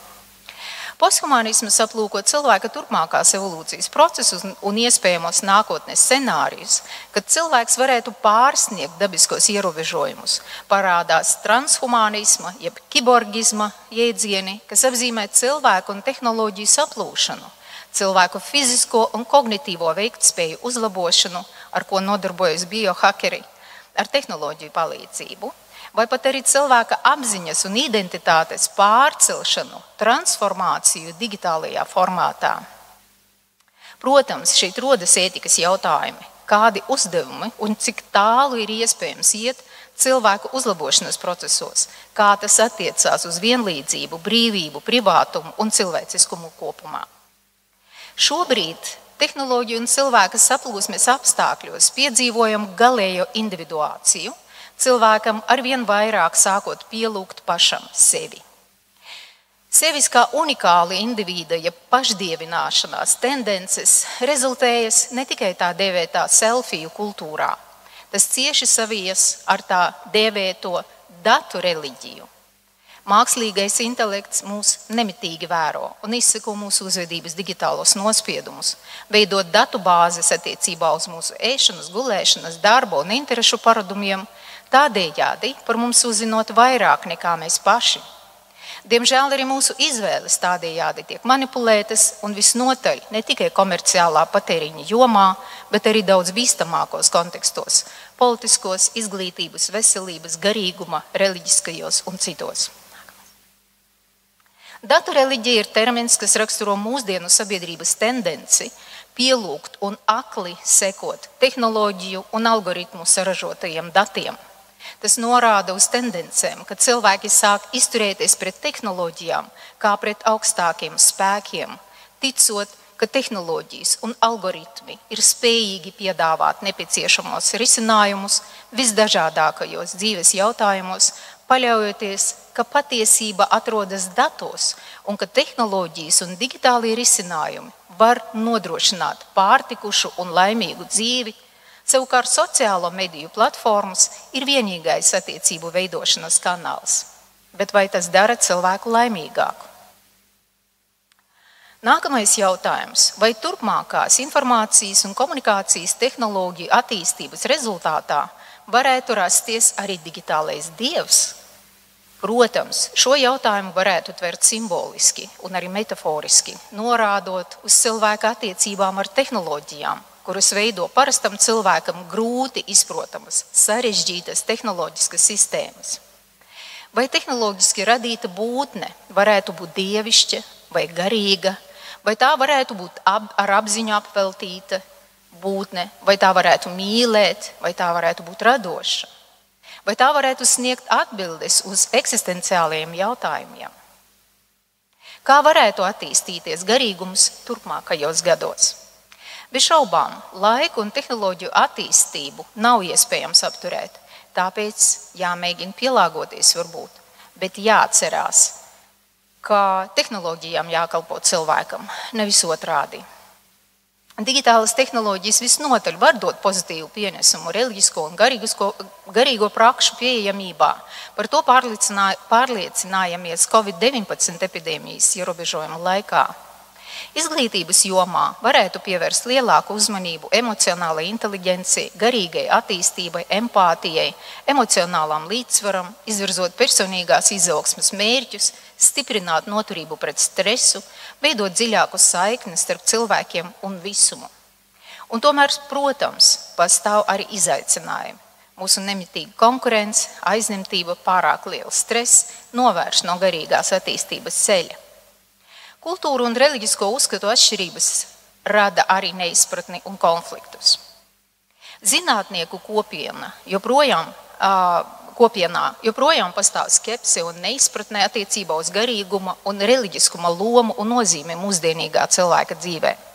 Tāpēc garīgā attīstība nākotnē būs atkarīga no tā, kā sabiedrība un indivīdi spēs atsaukties uz šiem izaicinājumiem un izmantot iespējas un arī un vai dažādas reliģijas un konfesijas spējas komunikāciju savā starpā un ar sekulāro sabiedrību balstīt savstarpējās cieņas principos. Tas viss prasa atvērtību, izpratni un pūliņus gan individuālā, gan arī kolektīvā līmenī. Kā secinājums jāuzsver, ka lai arī garīgums ir ļoti svarīgs aspekts, kas ietekmē cilvēku dzīves kvalitāti, attiecības un personīgo izaugsmi, Tomēr svarīgi, lai, lai tas nekļūst par tādu sprukstiņu reliģiju, kā to kādreiz trāpīgi raksturoja rakstniece Inga Gaile. Viņa rakstīja, ja runājam par latviešu ticību, tad man ir radusies pārliecība, ka mūsdienu latvietis ir tāds sprukstiņš, kas no rītiem lasa horoskopus, pusdienlaikā klāja galdu pēc fenšiju principiem, bet vakarā dedzīgi klāsta savu kristīgo morāli kādā interneta fórumā. Kamēr viss ir kārtībā, tikmēr der varbūt arī sprukstiņa reliģija. Tomēr, kā rāda pieredze, nemiera, kāru, dabas kataklizmu un personisko likstu gadījumos cilvēkiem ir nepieciešams kopienas atbalsts. Kā rakstīja poļu un britu sociologs Zigmunds Baumans, individuālās identitātes ievainojamība liek meklēt atbalstu kopienās. Jo globālajā pasaulē visi esam cits no cita atkarīgi un nespējam ietekmēt savu likteni, nespējam visus laikmetu uzliktos uzdevumus risināt individuāli. Tāpēc kontrolēt dzīves izaicinājumus var tikai kolektīvi. Un tieši šādās situācijās visvairāk pietrūkst kopienas, kas no individuālā garīguma mums, mūs atkal atgriež kolektīvajā reliģiskumā. Šā vai tā statistika liecina, ka tikai 17% Latvijas iedzīvotāju netic Dievam. Paldies par uzmanību!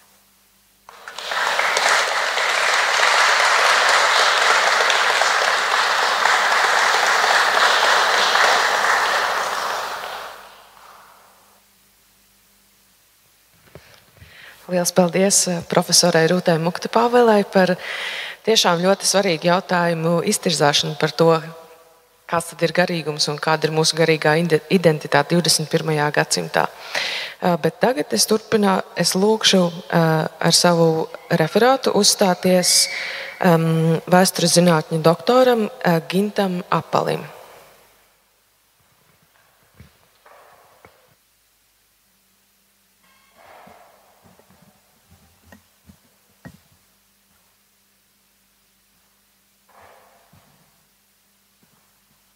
Labdien, godāmie pašvaldības pārstāvji, baznīcas pārstāvji, profesūra, stirnieks draugs un tās viesi.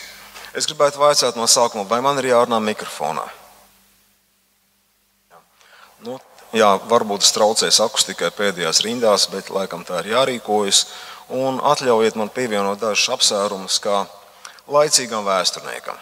Turpinot to domu plūsmu, kas nāca no iepriekšējiem runātājiem, un atļaujiet teikt, arī kā Baltītim, kurš neizbēgami nes sev līdzi zināmu luterisku identitāti un arī attiecīgi pasaules uzskatu. Un iemesls, kāpēc tas ir vajadzīgs, tāpēc, ka, protams, šie priekšstati par nacionālo kopību, pagātni, Latviju un latviešu tautu pamatā tāpat tomēr Baltijas provincēs. Šeit nav runa par to, kā kāda Latvijas tautas daļa būtu vairāk attīstīta un kāda būtu mazāk attīstīta. Te ir vienkārši runa par to, ka dažādās mūsdienu Latvijas daļās jautājumi tika izvirzīti un atbildes meklētas nedaudz atšķirīgā laika posmā. Un tā laika distance īstenībā visu laiku bija aptuveni 40 līdz 50 gadi. Proti, brīvlaišana Baltijā notika 40 gadus pirms Latvijas vai Vitebiskas guberiņas. Attiecīgi zemnieku individuāla zemes īpašuma veidošanās arī notika aptuveni 40 līdz 50 gadus agrāk. Un tas kaut ko tomēr maina un arī e, paskaidro to, kāpēc godāmā bīskaps Loskāna piedalīšanās ļoti svarīgo jautājumu atbildēšanā bija ar tālajošām sekām. Un viņš deva pareizās atbildes par to, kādā veidā būtu jāorganizē sabiedrība tad, kad gāja bojā gan Krievijas impērija, gan uh, visa šī sabiedrības uzbūve, kāda bija pastāvējusi un veidojusies vairāku gadsimtu gaitā, gan Baltijas provincēs, gan Latvijā. Proti, no biskupa Sloskāna rakstiem un runām mēs varam skaidri atvasināt trīs organizējušos principus, kā viņš skatās uz to sabiedrību, kas top 20. gadsimta 20. un 30. gados. Un tie ir ļoti skaidri, ka pirmais organizējušais princips ir kristīgā ticība, baznīca, humānisms un biskupa misija. Un tas ir universāls. Tas iet pāri jebkurām nacionālām robežām. Bet otrs princips, protams, ir Latvija un latviešu tauta. Tad trešajā vietā Sloskānam nāk latgale un latgalieši. Un šī secība ir ārkārtīgi svarīga tad, kad mēs domājam par to, kādā veidā šī tauta tappa un kā viņa pastāvēja nu, vismaz līdz pēdējiem laikam. Es negribētu runāt par konkrēto gadu, kurā mēs sarunājamies, bet vismaz pagājušā gadsimta beigās tas droši vien bija tiesa, tāpat kā varbūt jau šī gadsimta sākumā. Vai Sloskāna atbildes bija vienīgās? Mums jāsaka, nē. Blakus bija arī Kemps. Sloskāns bija tuvāks Trasunam šajos principos. Bet Kempam bija cita atbilde. Vispirms tā pati kristīgā ticība, baznīca, humanisms, bet pēc tam otrā vietā Latgala un latgalieši. Trešā vietā var būt Latvija un latviešu tauta. Un šis jautājums lielā mērā bija svarīgs un kaut kādā mērā viņš turpina pastāvēt arī šodien. Pie tā es nonāku savas nelielās runas beigās. Taču pirms tam ir vajadzīgs atskats uz to, kas tad notiek pirms tam par šo 40 vai 50 gadus lielo distanci. Proti, pie tā, kā cilvēkiem ir raksturīgi domāt par pagātni, tā kā viņi paraduši skatīt sevi šodien. Un reizēm to sauc par primordiālismu, kas ir būtībā reliģisks princips. Jā, tik tiešām arī reliģiskos rakstos un Bībelē pastāv šī doma, kā kopš Bābeles torņa laikiem cilvēks ir dalīta tautās, kuras runā atsevišķās valodās. Un tas tā paliks līdz pasaules galam. Un tam tā ir jābūt. Taču, protams, ka varbūt sociālās zinātnes un arī vēsture eh, konstatē to, ka cilvēkiem nevajadzētu tik nekritiski attiecināt savu šodienas uzskatu pagātni. Ja arī šī doma par tautas pastāvēšanu varbūt tiešām ir ilglaicīga, tad tomēr šī vārda saturs mainās. Ja mēs šodien meklēsim Latvijas Nacionālajā encyklopēdijā šķirkli Latviešu tauta, mēs tādu neatradīsim. Ja mēs lasīsim diezgan lielo grāmatu Latviju un Latviešu, arī tur mums nebūs atbildes uz to, kas tad ir latviešu tauta un kad viņi veidojās. Atsevišķi valodnieki un vēsturnieki citur ir devuši šo atbildi, un man liekas, šeit ir svarīgi Pētera Vanaga teiktie viedokļi un vārdi, kā tādā nozīmē, kā mēs saprotam latviešu tautu 20. gadsimtā, tāda latviešu tauta tap tikai 19. gadsimta laikā. Tāpēc, ka notika visi šie sociālo un ekonomiskie procesi, par ko iepriekš runāja profesora Mukta Pāvēla. Pirms tam bija kaut kas cits. Mēs zinām, ka pirms tam bija latvieši kā zemnieku kārta, Baltijas provinču zemnieku kārta, jeb Vitebskas guberņas zemnieku kārta. Tad no kurienes parādās šī doma, ka latvieši ir tauta, tāda pati politiskā nozīmē, kā visas pārējās Eiropas tautas. Un šo tēzi īstenībā izvirs, ka jaunatvieši 1850. gada otrajā pusē Jūras Alnāns. Pirmais izvirs to domu, ka latvieši tagad būs tāda pati tauta kā citas tautas. Un līdz ar to pašu nāk arī jautājums, ja latvieši ir tauta, tā tad viņiem ir sava zeme. Un kā mēs to zemi sauksim? Pirms tam vācu valodā ir vārdiņš Letlands, bet tas nozīmē vidzemes, jā, teiksim, Līvzemes provinces latviešu daļu. Tā nav mūsdienu Latvija. Tātad jautājums par to, kas ir šī latviešu zeme. Un Alnāns piedāvā citus vārdus. Viņš saka, sauksim to par Lātavu, jeb sauksim to par Latvu. Tas nekur tālu neaiziet. Un tad 1862. gadā pirmo reizi Pēterburgas avīzē, starp citu, maziem burtiņiem parādās latviešu valodā vārds Latvija.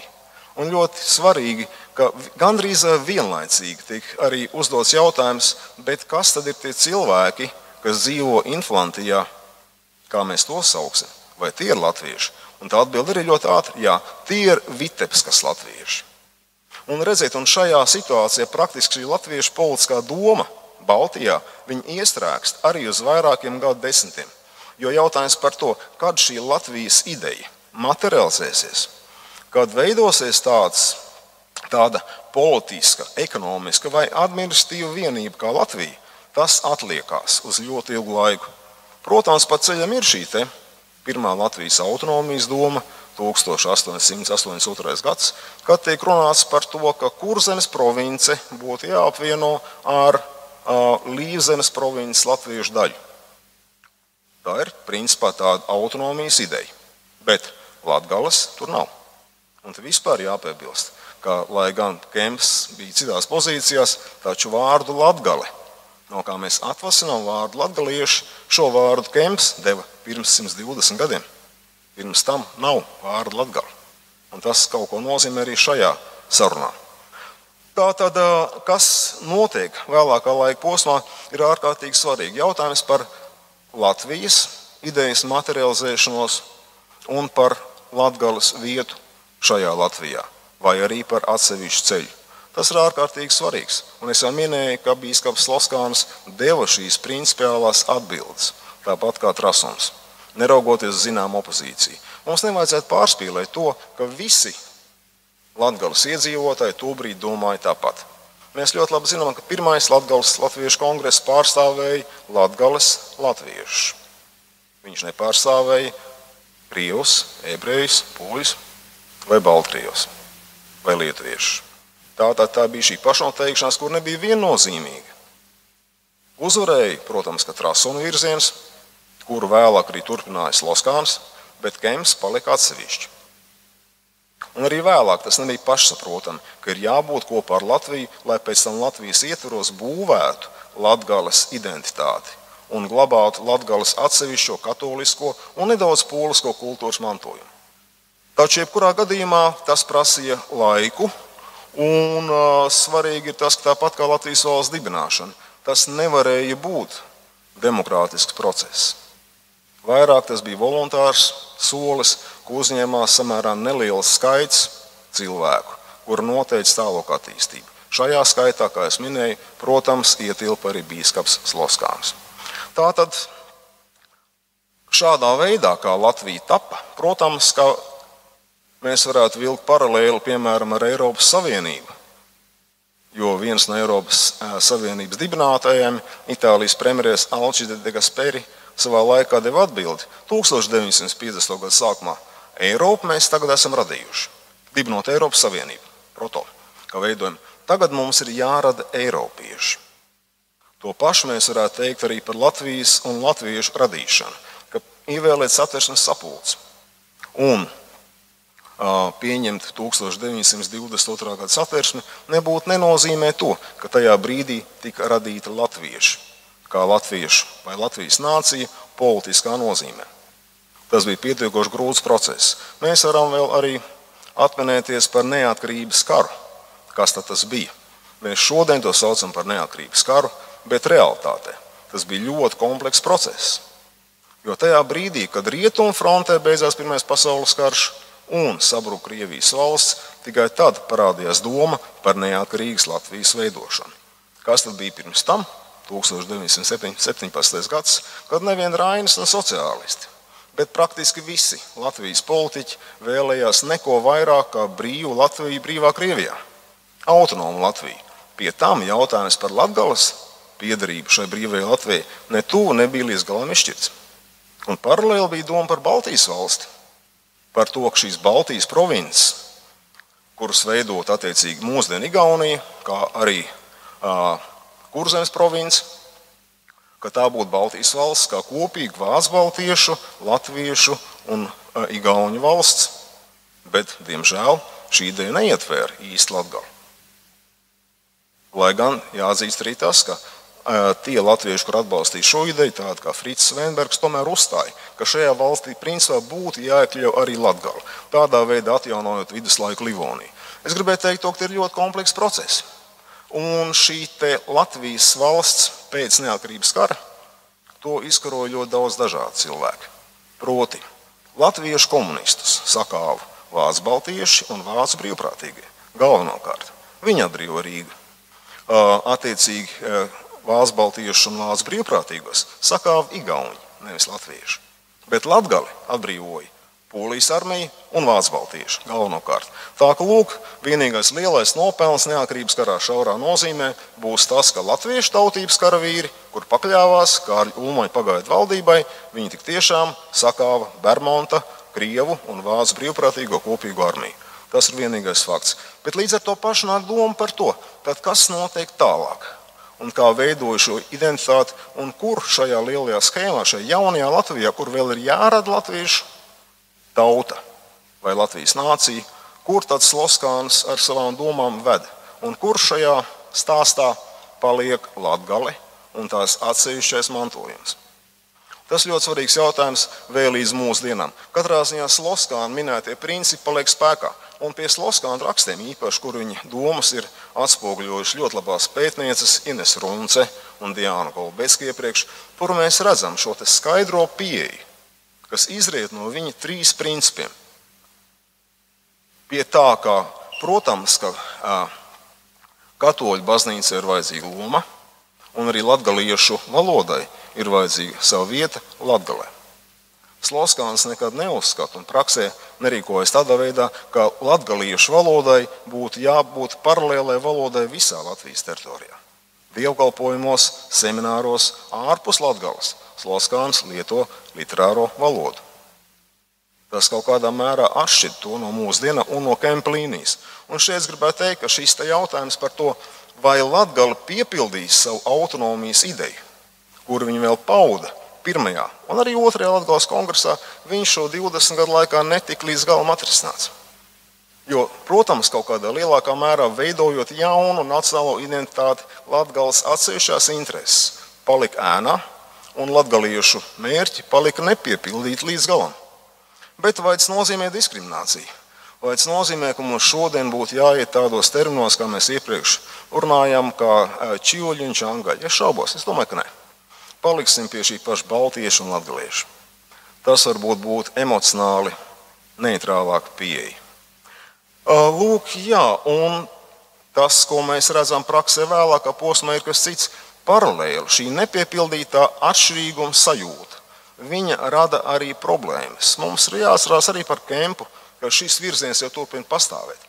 Pastāv arī šī progresīvā tautas apvienība kā politiska partija Tur eh, vairāk ļoti patriotiski un cienījami cilvēki, bet no šīs partijas nāk tomēr arī Vikentijs Latkovskis un nāk Alfons Noviks no šīs pašas partijas aprindām.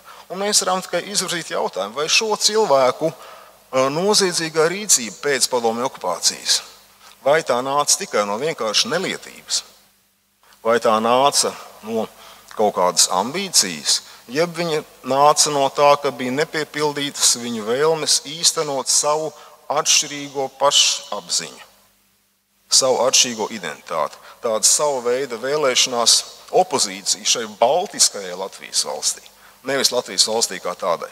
Un uz to jautājumu mēs vienkārši atbildēt nevarēsim. Neviens ar tiem cilvēkiem nav veids padziļināts intervijas.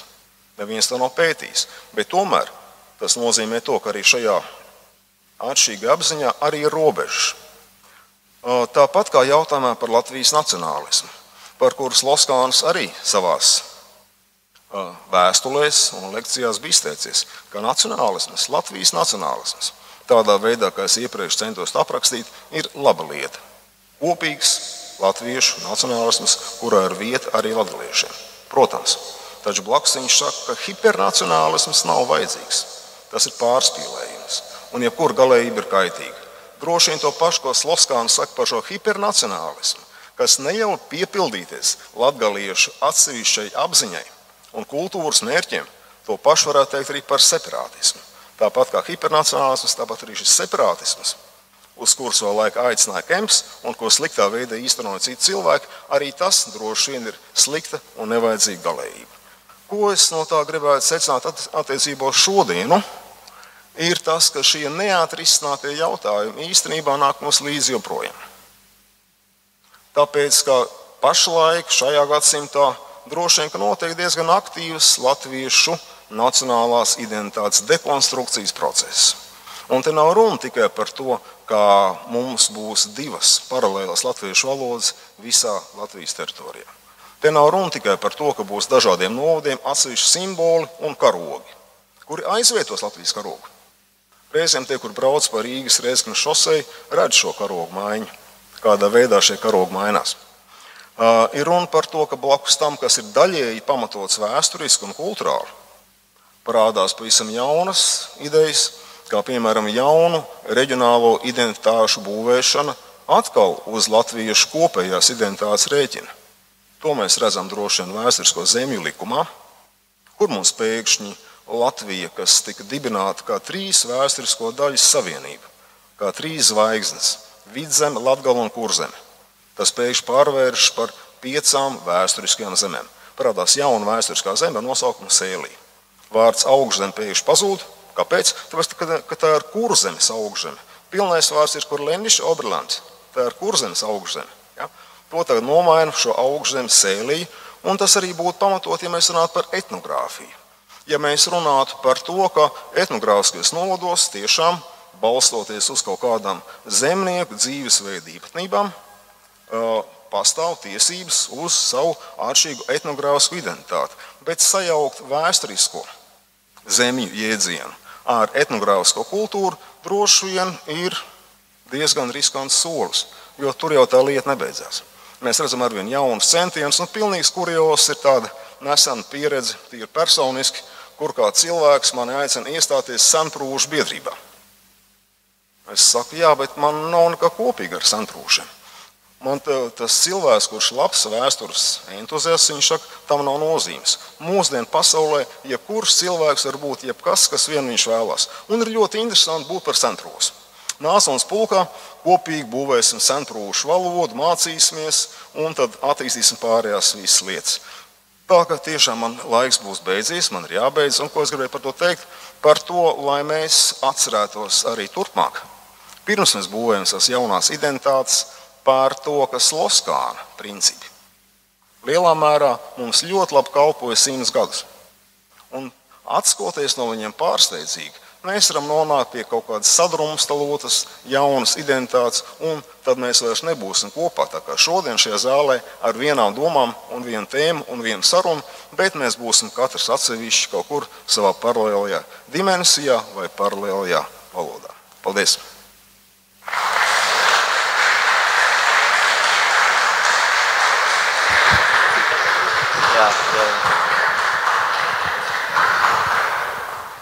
Sirsnīgs paļģis profesoram Gintam Apalam, okupācijas muzeja porcelānam un tīšām cik interesanti, jo es par to domāju, ka mums ir teiciens, ja tu īsti nezini savu identitāti vai līdz galam, tad noteikti ir 90%, ka tu esi latgaļīts, tu tikai varbūt esi par to piemērsis. Un arī ja katram Latvijas teritorijā pameklējot savus radinīkus un, un savā, savā pulkā, ģimenes plašajā lūkā, mēs atrasim latgales saknes. Par to jau arī liecina Ludza, mūsu arī senoko pilsēta, un tāpat te identitāte noteikti viņa visur ir bijusi. Bet, protams, ka tas ir process, kurā mēs katrs arī iemam daļēju, un tieši to dēļ arī mēs tagad gribēsim aicinot Reigas Tehniskos universitātes Rīgas biznesa skolas direktoru, doktoru Klaudiju Rivera, lai arī pasietu savu pienesumu mūsu identitātei. Paldies!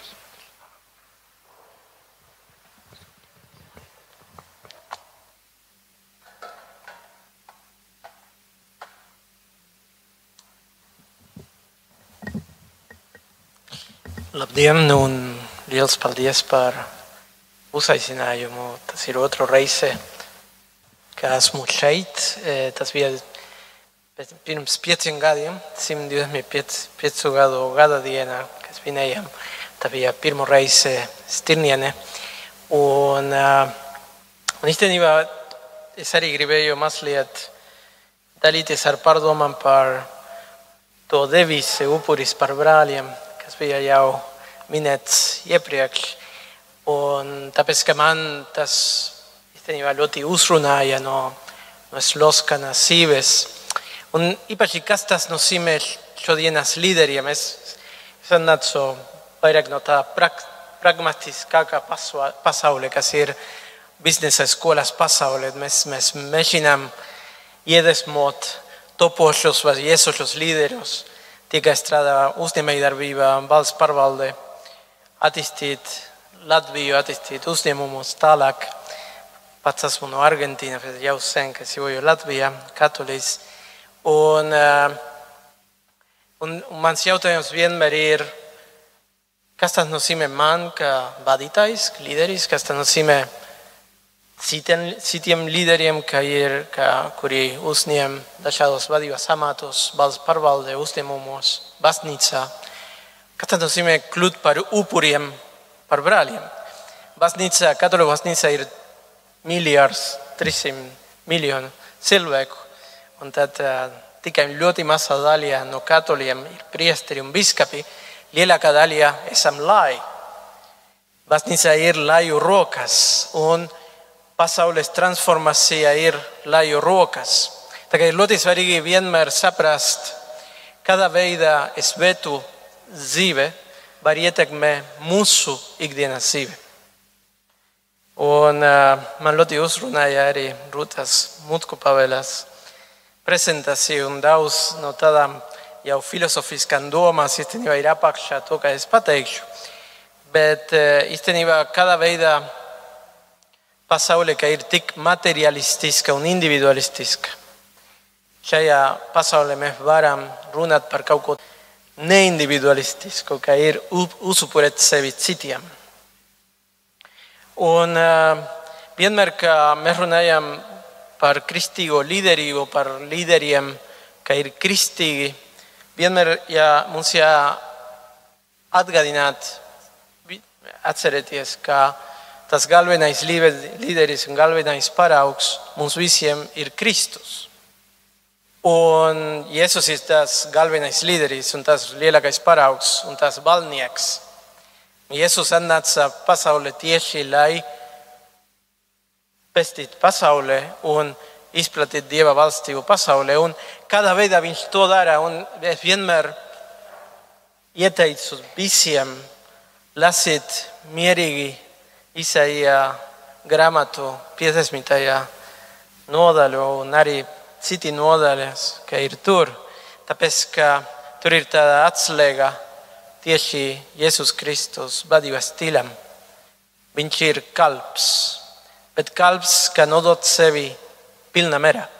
Un ja mēs domājam, kas notiktu katrā māja, katrā drausē, katrā universitāte, katrā uzņēmumā, ja visi tie, tiem, kā uzņem līderības amatu, uzskatās un mēģina atdarināt Jēzu šajā veidā. Tāpēc, kā uzupurēt sevi par citiem, šajā tā, tāpat, ko, ko Jēzus darīja, tas ir diezgan radikāls piedāvājums. Tāpēc, ka tas nozīmē, ka egocentrisms pilnīgi pasūta. Tur nav runa par es, bet ir runa par citiem. Un do, visu, ko es daru, ir no citu cilvēku perspektīva un labuma. Paldies Dievam, tad eh, pasaules vēsturē ir ļoti daudz līderu vēsturē, kuri ir bijuši mocekļi vai kuri īstenībā ir bijuši lieli liecinieki. Moceklība nozīmē būt liecinieks. Un ka īstenībā viņi ir apliecinājuši ar savu dzīvi uh, Jēzus piemēru, savus amatus. Es minēšu trīs, ka man ļoti ir iedvesmojuši. Viens ir Tomas Mors. Tomas Mors bija Anglijas, eh, Anglijas Lords kanclers, Henry Astotais valdīšanas laika, tas ir 15. gadsimta, un, un viņš tika sodīts ar nāvi par atteikšanos atzīst Henriku Astotu par Anglijas baznīcā augstāko galvu un par atteikšanos nodot sverestu, ar kuru tika atzīta karaļa ļaulības ar Katrīnu Aragonijas anulēšanu. Viņam svarīgāk par Angliju bija būt uzticīgam baznīcai. Un tur ir, un viņš kā jurists, arī kā akademiķis un kā līderis, viņš nodeva savu dzīvi par to. Otrais piemērs, ko es gribu atgādināt, varbūt tuvāk, ir Svētais Maksimilians Kolbe. Viņš poļu franciskāņu mūks, bet arī liels līderis savā ziņā ar to, ka viņš izveidoja daudz evanģelizācijas projektus baznīcā. Un viņš brīvprātīgi piedāvāja ieņemt uz nāvi notiesātā ieslocītā līdzgainieka vietu Auschwitzās koncentrācijas nometnē. Un viņš nomira vada kamerā pēc divu nedēļu bada un deshidratācijas. Un trešais, tuvāk manai simtenei, ir svētais Oskar Romero. Viņš ir San Salvadora arhibīskaps, un viņš tika nogalināts svētās mises laikā, jo viņš atklāti iestājās par cilvēku tiesībām un sociālo taisnību Salvadorā. Un vēl varam runāt par daudz citu līderu. Kas ir, kas ir izteikts, kas ir gaidīts no līderiem, kuri ir kristieši, kuri grib sekot šos piemērus? Un es izmantošu Tomasa Mora atziņas par šo. Pirmais ir sirdsapziņa. Līderis ir tas, kā seko savu sirdsapziņu. Ir tas, kā viņš par saviem lēmumiem domā un tos lēmumus tieši novērtē lūkšanā, un, tos, un par tos lēmumus viņš personīgi atbilst. Kas trūks starp līderiem pašlaik? Un mēs to, diemžēl, redzam arī starp mūsu līderiem ir reizēm tāda vīzija, ko viņi piedāvā valstī vai piedāvā organizācijā. Bet tā vīzija nekad nebūs, ja viņi nav personīgi pārliecināti par to, ka viņi piedāvā. Un tas tikai var nākt no tāda sirdsapziņas izmeklēšana. Un tas ir ļoti individuāls, ļoti personīgs process. Tas ir pirmā lieta. Otra kā arī Tomārs Mors runāja par līderiem, kaut kas, ka ir ļoti izteikts starp kristīgiem līderiem, ir kalpošanas gars. Viņi, ka viņi domā par lēmumiem, ko viņi grib pieņemt, viņi nedomā no savas intereses, skatoties primāri, bet no citu intereses. Trešais - gudrība un apdomība.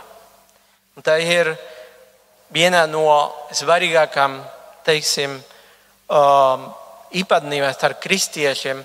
Un tas izglītības laikā ir ļoti svarīgi, ka starp jauniešiem mēs būvējam to iespēju būt gudriem. Un tas tikai var notiek ar lielu, dziļu kultūrālu izglītību. Ceturtais, kad diemžēl pašlaik starp līderiem ir ļoti izteikta pretēja attieksme. Kā Tomārs Mors runāja par kristīgiem līderiem viņš minēja yes, to, to kapacitāti, to attieksmi meklēt dialogu un debati. Mors savos darbos bieži uzsvēra atklātā dialoga un racionālo debašu vērtību, lai pieņemtu pamatotus lēmumus. Mēs bieži sirdam to sarkanas līnijas. Ja? līderiem, ka ir kristieši, nemeklē, nesakās viņiem no sarkanām līnijām. Viņi meklē kopīgos, kopīgās vērtības, viņi meklē kopīgās idejas. Un no tā mēs sākam būvēt jaunu sabiedrību. Piektais, ko es minēšu, viņš vēl runā par vēl citām, bet piektais, piekta īpašība starp līderiem, ka ir kristieši, ir humors. Mors bija ļoti pazīstams ar savu aspratību un humora izjūtu, ko viņš izmantoja, lai nodotu svarīgus vēstījumus un atziņas. Un humors ir ļoti saistīts ar pazemību. Tāpēc, ka reizēm, kā līderi, mēs domājam, no, tā ir mūsu atbildība, un no manis ir gaidīts, ka es visu risināšu. Mēs neko nevaram risināt. Vienmēr humors ir reālā uzvēre par kas notika pasaulē un īstenībā, ka, mūs, ka mēs paši ar visu nevaram tikt galā. Ir ļoti slavena Tomasa Mora lūkšana par labu humoru sajūtu, ko pavests Francisks ļoti ieteicis ieskaitīt. Es to katru dienu es to daru. Tā ir tāda, un, un īstenībā ir tev dot to iedvesmu un to spēku, ka, ka tu esi grūtākos brīžos. Mēs dzīvojam ļoti materialistiskā pasaulē, kurā priekšroka tiek dota mūsu uzvedības un lēmumu taustāmajam sekam. Šī pasaule ir diezgan individualistiska arī. Mēs kaut kā veidā tiekam mudināti vispirms domāt par savu pasauli, savu interesi un savu nākotni. Upurēšanās un kalpošanas ideja zināmā mērā ir pretruna ar abām tendencēm. Jo tā ietver gan, jau tika minēts iepriekš, gan transcendentālāko skatījumu uz pasauli, gan arī sociālāko kolektīvo skatījumu uz mūsu dzīvi. Mēs neesam atomi, ka dzīvojam izolēti viens no otra, mēs dzīvojam kopīgā dzīvē. Kā mēs varam pārliecināt cilvēkus, un īpaši jauniešus, par upurēšanās vērtību, par to, ka sabiedrība un citi gaida no mums uzupurēt sevi. Tā ir ļoti svarīgs darbs, ko skolotāji, vecāki, ģimene viņiem vajag darīt. Un tas nozīmē aicināt jauniešus uz kopīgo cilvēcību, uzvērt, ka mūsu dzīve, mūsu dzīve kā cilvēku savstarpēju saistību. Palīdzēt jauniešiem arī izcelt ilgtermiņas ieguvumus, lai gan materiālisms bieži koncentrējas uz īstermiņas ieguvumiem uzvar ilgtermiņa ieguvumus, kas var rasties no uzupurēšanās. Tagad ļoti daudz runājam par ekonomisku transformāciju. Nekādu ekonomisku transformāciju nevar notiek ar kaut kādu rīkojumu vai likumu. Tā tikai var notiek ilgtermiņā, kā ilgtermiņā sakām sagatavot topošos līderus, ka īstenībā viņi var transformēt sevi un transformēt sava, savas darba vietas, ka viņi būs līderi. Veicināt paraugus, parādīt izcelt personas, kas ir veikušas nozīmīgus upurus un pozitīvi ir ietekmējuši sabiedrību. Un es gribu pabeigt ar vienu jautājumu, jau tika īstenībā minēt iepriekš, vienā no iepriekšējām prezentācijām par, par dievu, par reliģiju, par garīgumu. Un, un jautājums ir, cik lielā mērā ticība Dievam var palīdzēt sabiedrībai tieši pieņem ideju par to upurēšanas attieksmi. Un īstenībā es pieņemu, ticība uz Dievu ļoti var palīdzēt, tāpēc kā dot tās garīgās vērtības. Mēs redzam, daudzas reliģiskas tradīcijas uzsver tādas vērtības kā līdzcietība, pašaizliecība un mīlestība pret citiem. Arī ticība uz Dievu piedāvā to augstāko mērķi. Ticīgi bieži un vieglāk var uzskatīt, ka viņu sīva ir daļa no lieliska dievišķa plāna. Arī ticība palīdz uz atbildību sajūtu, izraisīt atbildību sajūtu. Ticīgi var izjust atbildības sajūtu Dieva priekšā. Un secinājums ir, ka viena no lielām problēmām, kāpēc līderiem uzņēmējdarbībā, politikā, sabiedrībā proceso trūkst to vēlme kalpot un uzsuperet sevi, ir, ka reizēm ir atdalīt reliģiskā dzīve no sekulārā dzīve, laicīgā dzīve. Viena no manām, ko es redzu, viena no problēmām, kā piemēram Rīgas Tehniskās universitāte, ir, ka mums nav teoloģijas fakultāte.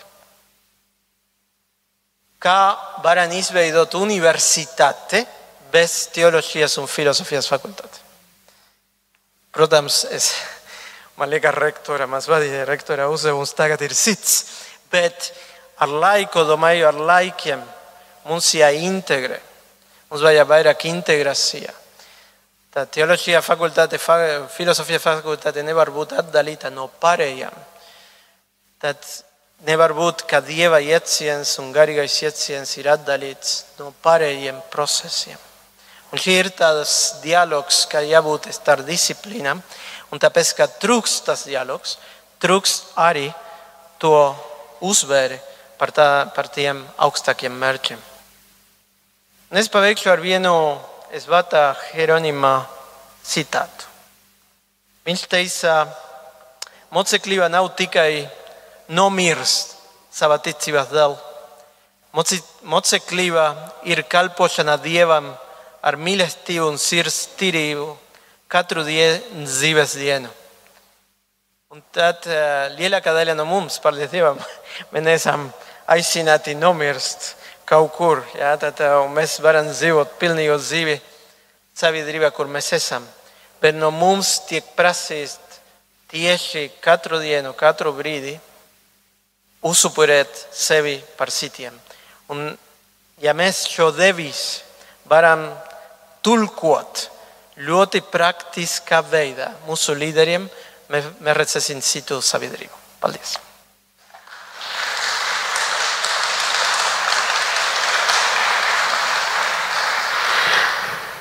Sirsnīgs paldies Klaudijai Virvieram. Un mūsu konferenci šodien noslēgs mūsu pēdējais referāta lasītājs, un tas būs mākslas zinātņu doktors, profesors Valdis Muktapāvels, kurš mums stāstīs un arī rādīs par mūzikas instrumentiem Bībelē.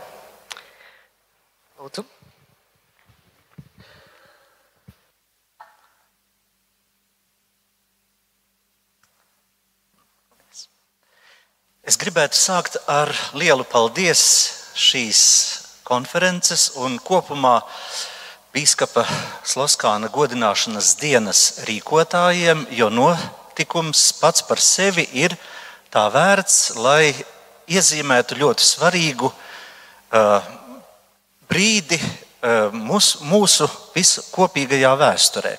Faktiski šī konference ir ārkārtīgi interesanta, dažāda. Tās tēmas, kuras uh, jau tiek aprunātas, ir no ļoti uh, personiski izjustām tēmām, kas saistās tieši uh, gan ar pašu Bīskapu Sloskānu, gan arī ar garīgumu, gan arī mēs redzam ekskursus vēsturiskus un kultūra pētnieciskus un tā tālāk. Mans pieejams būs šobrīd parunāt mazliet par mm, mūzikas pusi un garīgumu.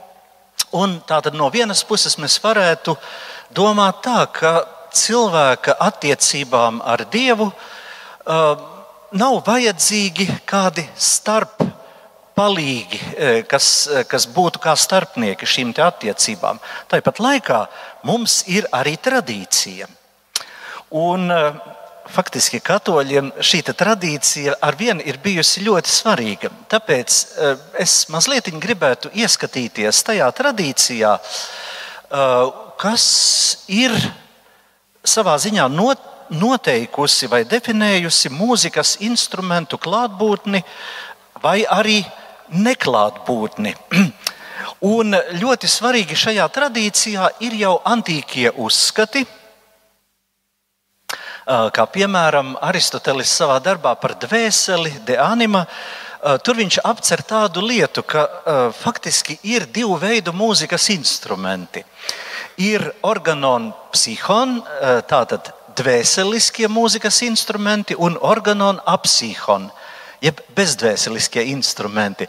Un tad viņš nosacina, ka tajā pirmajā kategorijā organona psihon ir viens instruments. Varbūt kāds pateiks, kas tas ir?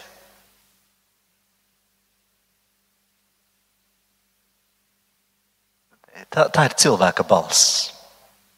Visi pārējie ir bezdvēseliskie instrumenti. Savā ziņā it kā mūzikas instrumenti tiek izslēgti no tāda tieša, um, tāda tieša kontakta ar, ar, um, ar transcendenci. Tāpat laikā mēs zinām arī, ka šī tradīcija ir iemiesojusies uh, piemēram Islāmā, uh, galvenajos virzienos, kur mūzikas instrumenti tiek izslēgti no uh, svētdarbības. Un, eh, vai arī, piemēram, austrumu uh, kristietībā, kur arī mūzikas instrumentiem uh, tādā tiešā veidā nav, nav klātbūtne paredzēta dievkalpojumā. Tāpat laikā rietumu. Vai Eiropas tajā daļā, kas ir veidojusi rietumu kristietību, tur ļoti interesanti tās domas ir veidojušās. Piemēram, Aristīts Kvintiliāns arī Viņš apcerēja, kā tas ir, ka piemēram eh, mūzikas instrumenti ir rupjās matērijas objekti, un kā tas ir, ka viņi miedarbojas ar smalko matēriju, ar dvēseli.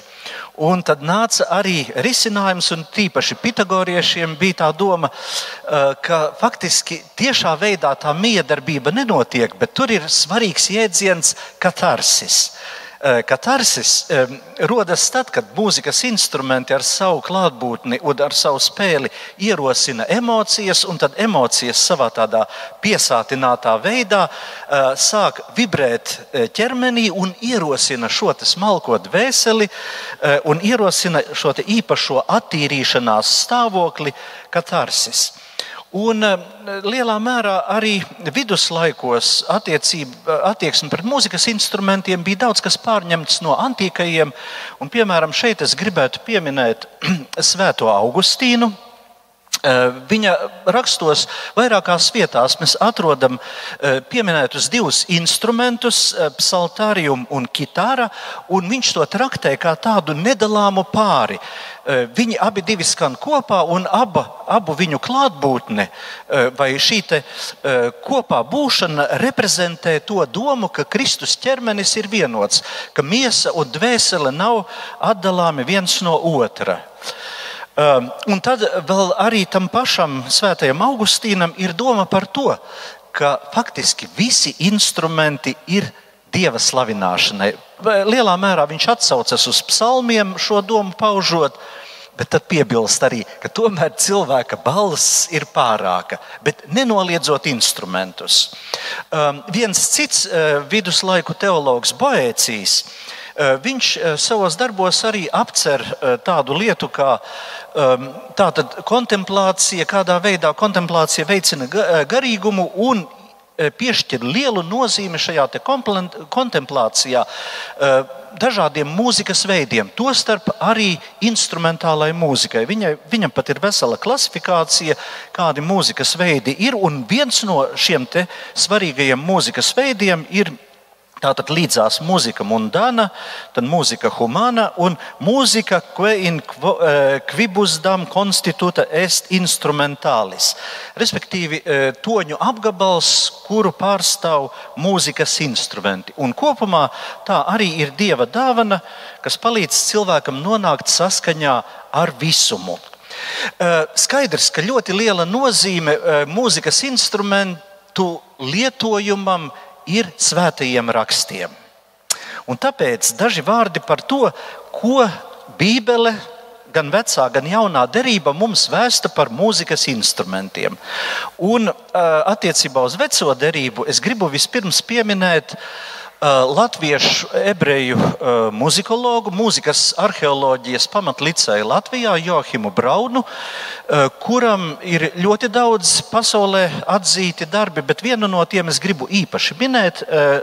Te mums redzama viņa grāmata, kas tika publicēta 2004. gadā Music in Ancient Israel Palestina. Faktiski viens no izcilākajiem pētījumiem, varētu teikt, Bībeles, mūzikas arheoloģijā un tā tālāk.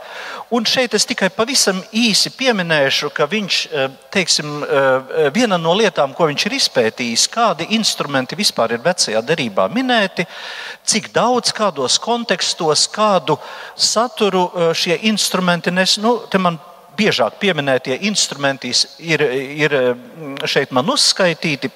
Es par viņiem sīkāk nerunāšu, bet gribu uh, varbūt vēl pavisam īsi eh, pateikt to, ka ja vecajā derībā daudz instrumenti pieminēti, tad jaunajā derībā salīdzinoši ļoti maz.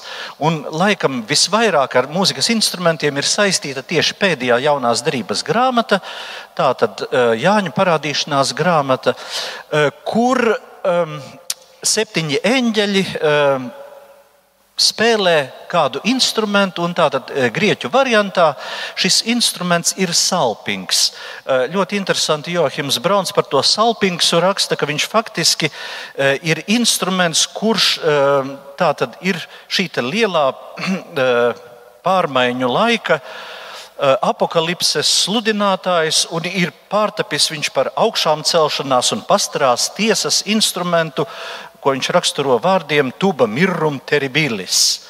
Um, Grieķu tradīcijā, starp citu, antīkajā tradīcijā, tas salpings ir uh, interesants pūšamais instruments no metāla, uh, kurš faktiski ir kalpojis gan kā militārais instruments, kara instruments, gan arī kā tempļa instruments. Um, un, uh, Tam ir tāda viena ļoti konkrēta vēsture. Bet šobrīd, ko es gribētu mazliet, nu, neteiksim detalizētāk, bet sīkāk pieminēt, kā šie instrumentu pieminējumi Bībelē tika pārtulkoti latviešu. Tātad pirmā Bībele, visa gan vecā, gan jaunā derība, tika pārtulkota 17. gadsimta beigās. Ernsts Gliks Eh, arī ar savu studentu palīdzību šo te veica. Un mēs varam iedomāties, ka eh, Glikam bija uzdevums padarīt Bībeli saprotamu vietējiem cilvēkiem. Tātad bija tā, lai Bībeli lasot, eh, to vēstījumu saprastu. Un tāpat laikā viņam bija otrs uzdevums - neizmainīt Bībeles vēstījumu pēc būtības. Un, uh, ko viņš ir darījis attiecībā uz mūzikas instrumentiem? Es burtiski dažus piemērus tikai šeit pieminēšu, uh, biežāk minētos instrumentus, jo par visiem te mums nav laika, un tas būtu varbūt padziļinātas sarunas um, tad, tēma. Visbiežāk vecajā derībā ir pieminēts instruments ar nosaukumu šofāra. Šofāra ir dabisks āža vai auna raksts instruments, kas saistīts ar teofāniju, šofāra spēle, pavēsta dieva klātbūtni, um, konstituē faktiski e, to, ka dievs ir šajā vietā. Um, ļoti interesanti, e, Glikam tātad, uh, tulkojot šofāru latviešu, būtu iespēja paņemt kādu jau instrumentu, kas Latvijā ļoti labi pazīstams. Un tas ir āžraks. Arī tāds dabisks āžraks ar skaņas caurumiņiem, bet ir viens bet latviešu āžraga tradīcijas ir saistītas lielā mērā ar uh, signalizāciju seksuālo attiecību jomā. Āžraga uh, simbolika ir tik tālu no šofāra simbolikas, cik tālu tā vien varētu būt. Līdz ar to mēs neatradīsim latviskajā tulkojumā šo āžragu, bet uh, parādās glikam apzīmējumi tādi kā skanīgās bazūnes, gavilēšanas taures, uh, trumetes arī tātad burtiski tāds viens ģermānisms. Ehm, vēl divi eh, ļoti bieži, faktiski kinori ir otrs biežāk pieminētais instruments, un nebel arī ir tajā pirmajā pieciniekā. Eh, kinor un nebel ir liras. Eh, reizēm gan to kinoru tulkojot, ieviesies ir tulkojums kā arfa, Dāvida arfa, bet faktiski Joachims Brauns ļoti labi parādīja, ka tā ir lira. Eh, viņas ir dažādas liras, un turklāt tās ir liras, eh, kuras tiek izmantotas gan psalmu pavadījumam, gan arī eh, tempļa mūzikā. Faktiski ar tādu, piemēram, arī Leviti spēlē šīs liras. Un ko ir Gliks tagad izdarījis ar uh, Kinor un Nebel. Un te es gribu, uh, lai mēs apskatāmies uz glika tulkoto 150. psalmu. Es viņu nelasīšu visu, bet varbūt uh, sākot ar trešo pantu. Tātad pants ir Aleluja, visi, kam dvaša slavējiet Dievu. Un tagad trešais pants - teiciet viņu ar skanīgām bazūnēm, teiciet viņu ar soma stabulēm un koklēm. Nu, un tad tālāk tur teiciet viņu ar bungām un stabulēm, teiciet viņu ar stīgām un svilpēm, teiciet viņu ar skanīgiem pulkstenīšiem un tā tālāk. Uh, diezgan neparasti.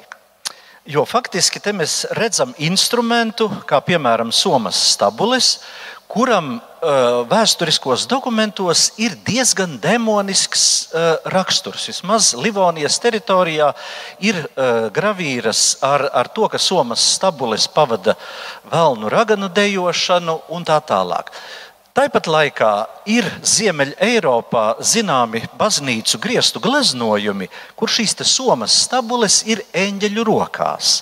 Acīm redzot, glikam tā saistība ar eņģeļiem, ar sakrālo sfēru un somas stabulēm arī bija pazīstama. Tāpēc viņš iekļāva somas stabules kā dieva slavinošu instrumentu.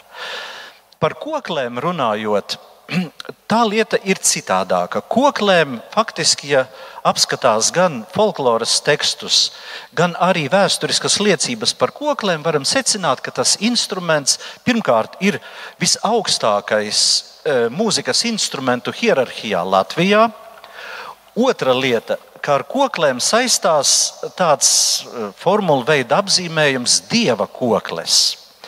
Un pirmo reizi dieva koklis jau pieminētas ir eh, Rīgas jēzuītu kolēģijas annālēs, tur par 1612. gadu, bet 13. gadā publicēts, ir eh, pieminēta tāda lieta, ka bija visi instrumenti, izņemot uh, latviešu koklis ar piecām stīgām, kuras par dieva koklēm vienkāršie ļaudis sauc, tik tās nebija tur klāt. Uh, nu, lūk, šī te, sakrālā kokļu daba, acīm redzot, ļāva glikam iekļaut šo instrumentu Bībelē. Un acīm redzot, tālāk jau ar Bībeles autoritāti koklis ir nonākušas arī tādā sakrālā lietošanā. Piemēram, Stefanija Uļanovska. Viļānu apkārtnē netālu no šejienes ir fiksējusi tādu teicienu, ka skripka no valna, kūkle no dīva. Tad tālāk viņa ir stabule no gona, bubins no suņa. Uh, nu jā. Un Edvards Volters um, arī par uh, Vitebiskas guberņas, nu, tātad par Latgali faktiski raksta, ka ir bijis šļaktiķis, kas svētas garīgas dziesmas pavadījis stīgu kokli spēlējot. Es šobrīd izlaidīšu savu runāšanu par bungām. Tur atkal ārkārtīgi interesantas lietas. Bungas un baznīca šķiet, kā nu tas saistīts, bet nu, TOF, kā bungu veida instruments, arī pieminēts ir diezgan bieži vecajā derībā, turklāt arī dievu slavinošs, bet kā dejas pavadošs instruments. Taču ne tajā formā viņš ir nonācis lietošanā Eiropā, bet jau vulgātā un septogintā bija tulkojums timpanona mēs zinām tādu timpāni, tādu instrumentu. Un, lai t, e, pirmajā brīdī šķiet varbūt neparasti, bet piemēram Višķu baznīcā 1926. gadā ir nofo, e, nofotografētas šādas timpāna veidīgas bungas. Tieši mēs redzam altāra daļā arī viņas novietotas, un tas nav vienīgais gadījums Latvijā. Nu, izrādās viduslaiku Vācijas tradīcija bija šādas timpāna veidīgas bungas ieviest draudzēs, kuras nevar atļauties ērģeles un tad timpānu spēle pavada draudzes dziedāšanu, vai arī, ja nevar atļauties zvanus izliet, tad arī šādas te vara bungas aizvietoja zvanu baznīcas tornī. Nu, skaņa varbūt nebija īsti tāda, bet tomēr jaudīga. Nu, un nobeidzot, var teikt, ka mūsdienās šīs domas ir uh, aktuālas un uh, dievu slavinošie instrumenti līdzās ērģelēm mums ir arī vairāki citi. Te man ir attēls no Svētā Miķeļa baznīcas Alsungā. Pavisam nesen arī nākošais arī liecība par somas stabulēm tajā pašā Alsungas Svētā Miķeļa baznīcā. Eh, tur priesteris Andris Vasiljevskis savulaik ļoti piestrādāja pie tā, lai eh, šādi instrumenti, kas ir minēti jau mūsu senākajās svēto rakstu tātad, tulkojumā latviešu, eh, ka arī baznīcā šādi instrumenti ir. Nu, atliek vien cerēt, ka uh, ik viens instruments varēs kalpot mums dieva slavināšanai, un acīm redzot, viss ir saistīts ar pašu cilvēku un ar cilvēka domām, un vai tās ir vērstas uz debesīm, vai arī kaut kur citur. Paldies par uzmanību!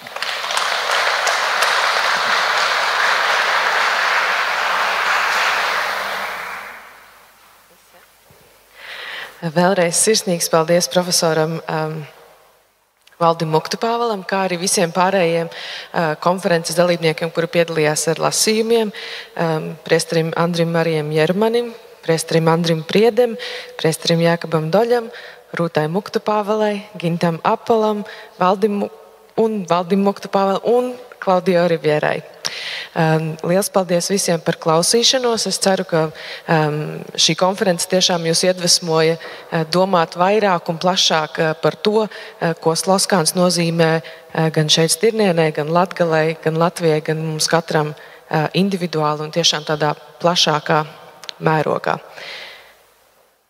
Um, pēc pavisam maza brīža sakos svētā mise un vēl dažus Dažus vārdus jums vēl vēlas teikt Ieva Zepa. Paldies, mīļie Sloskāna draugi!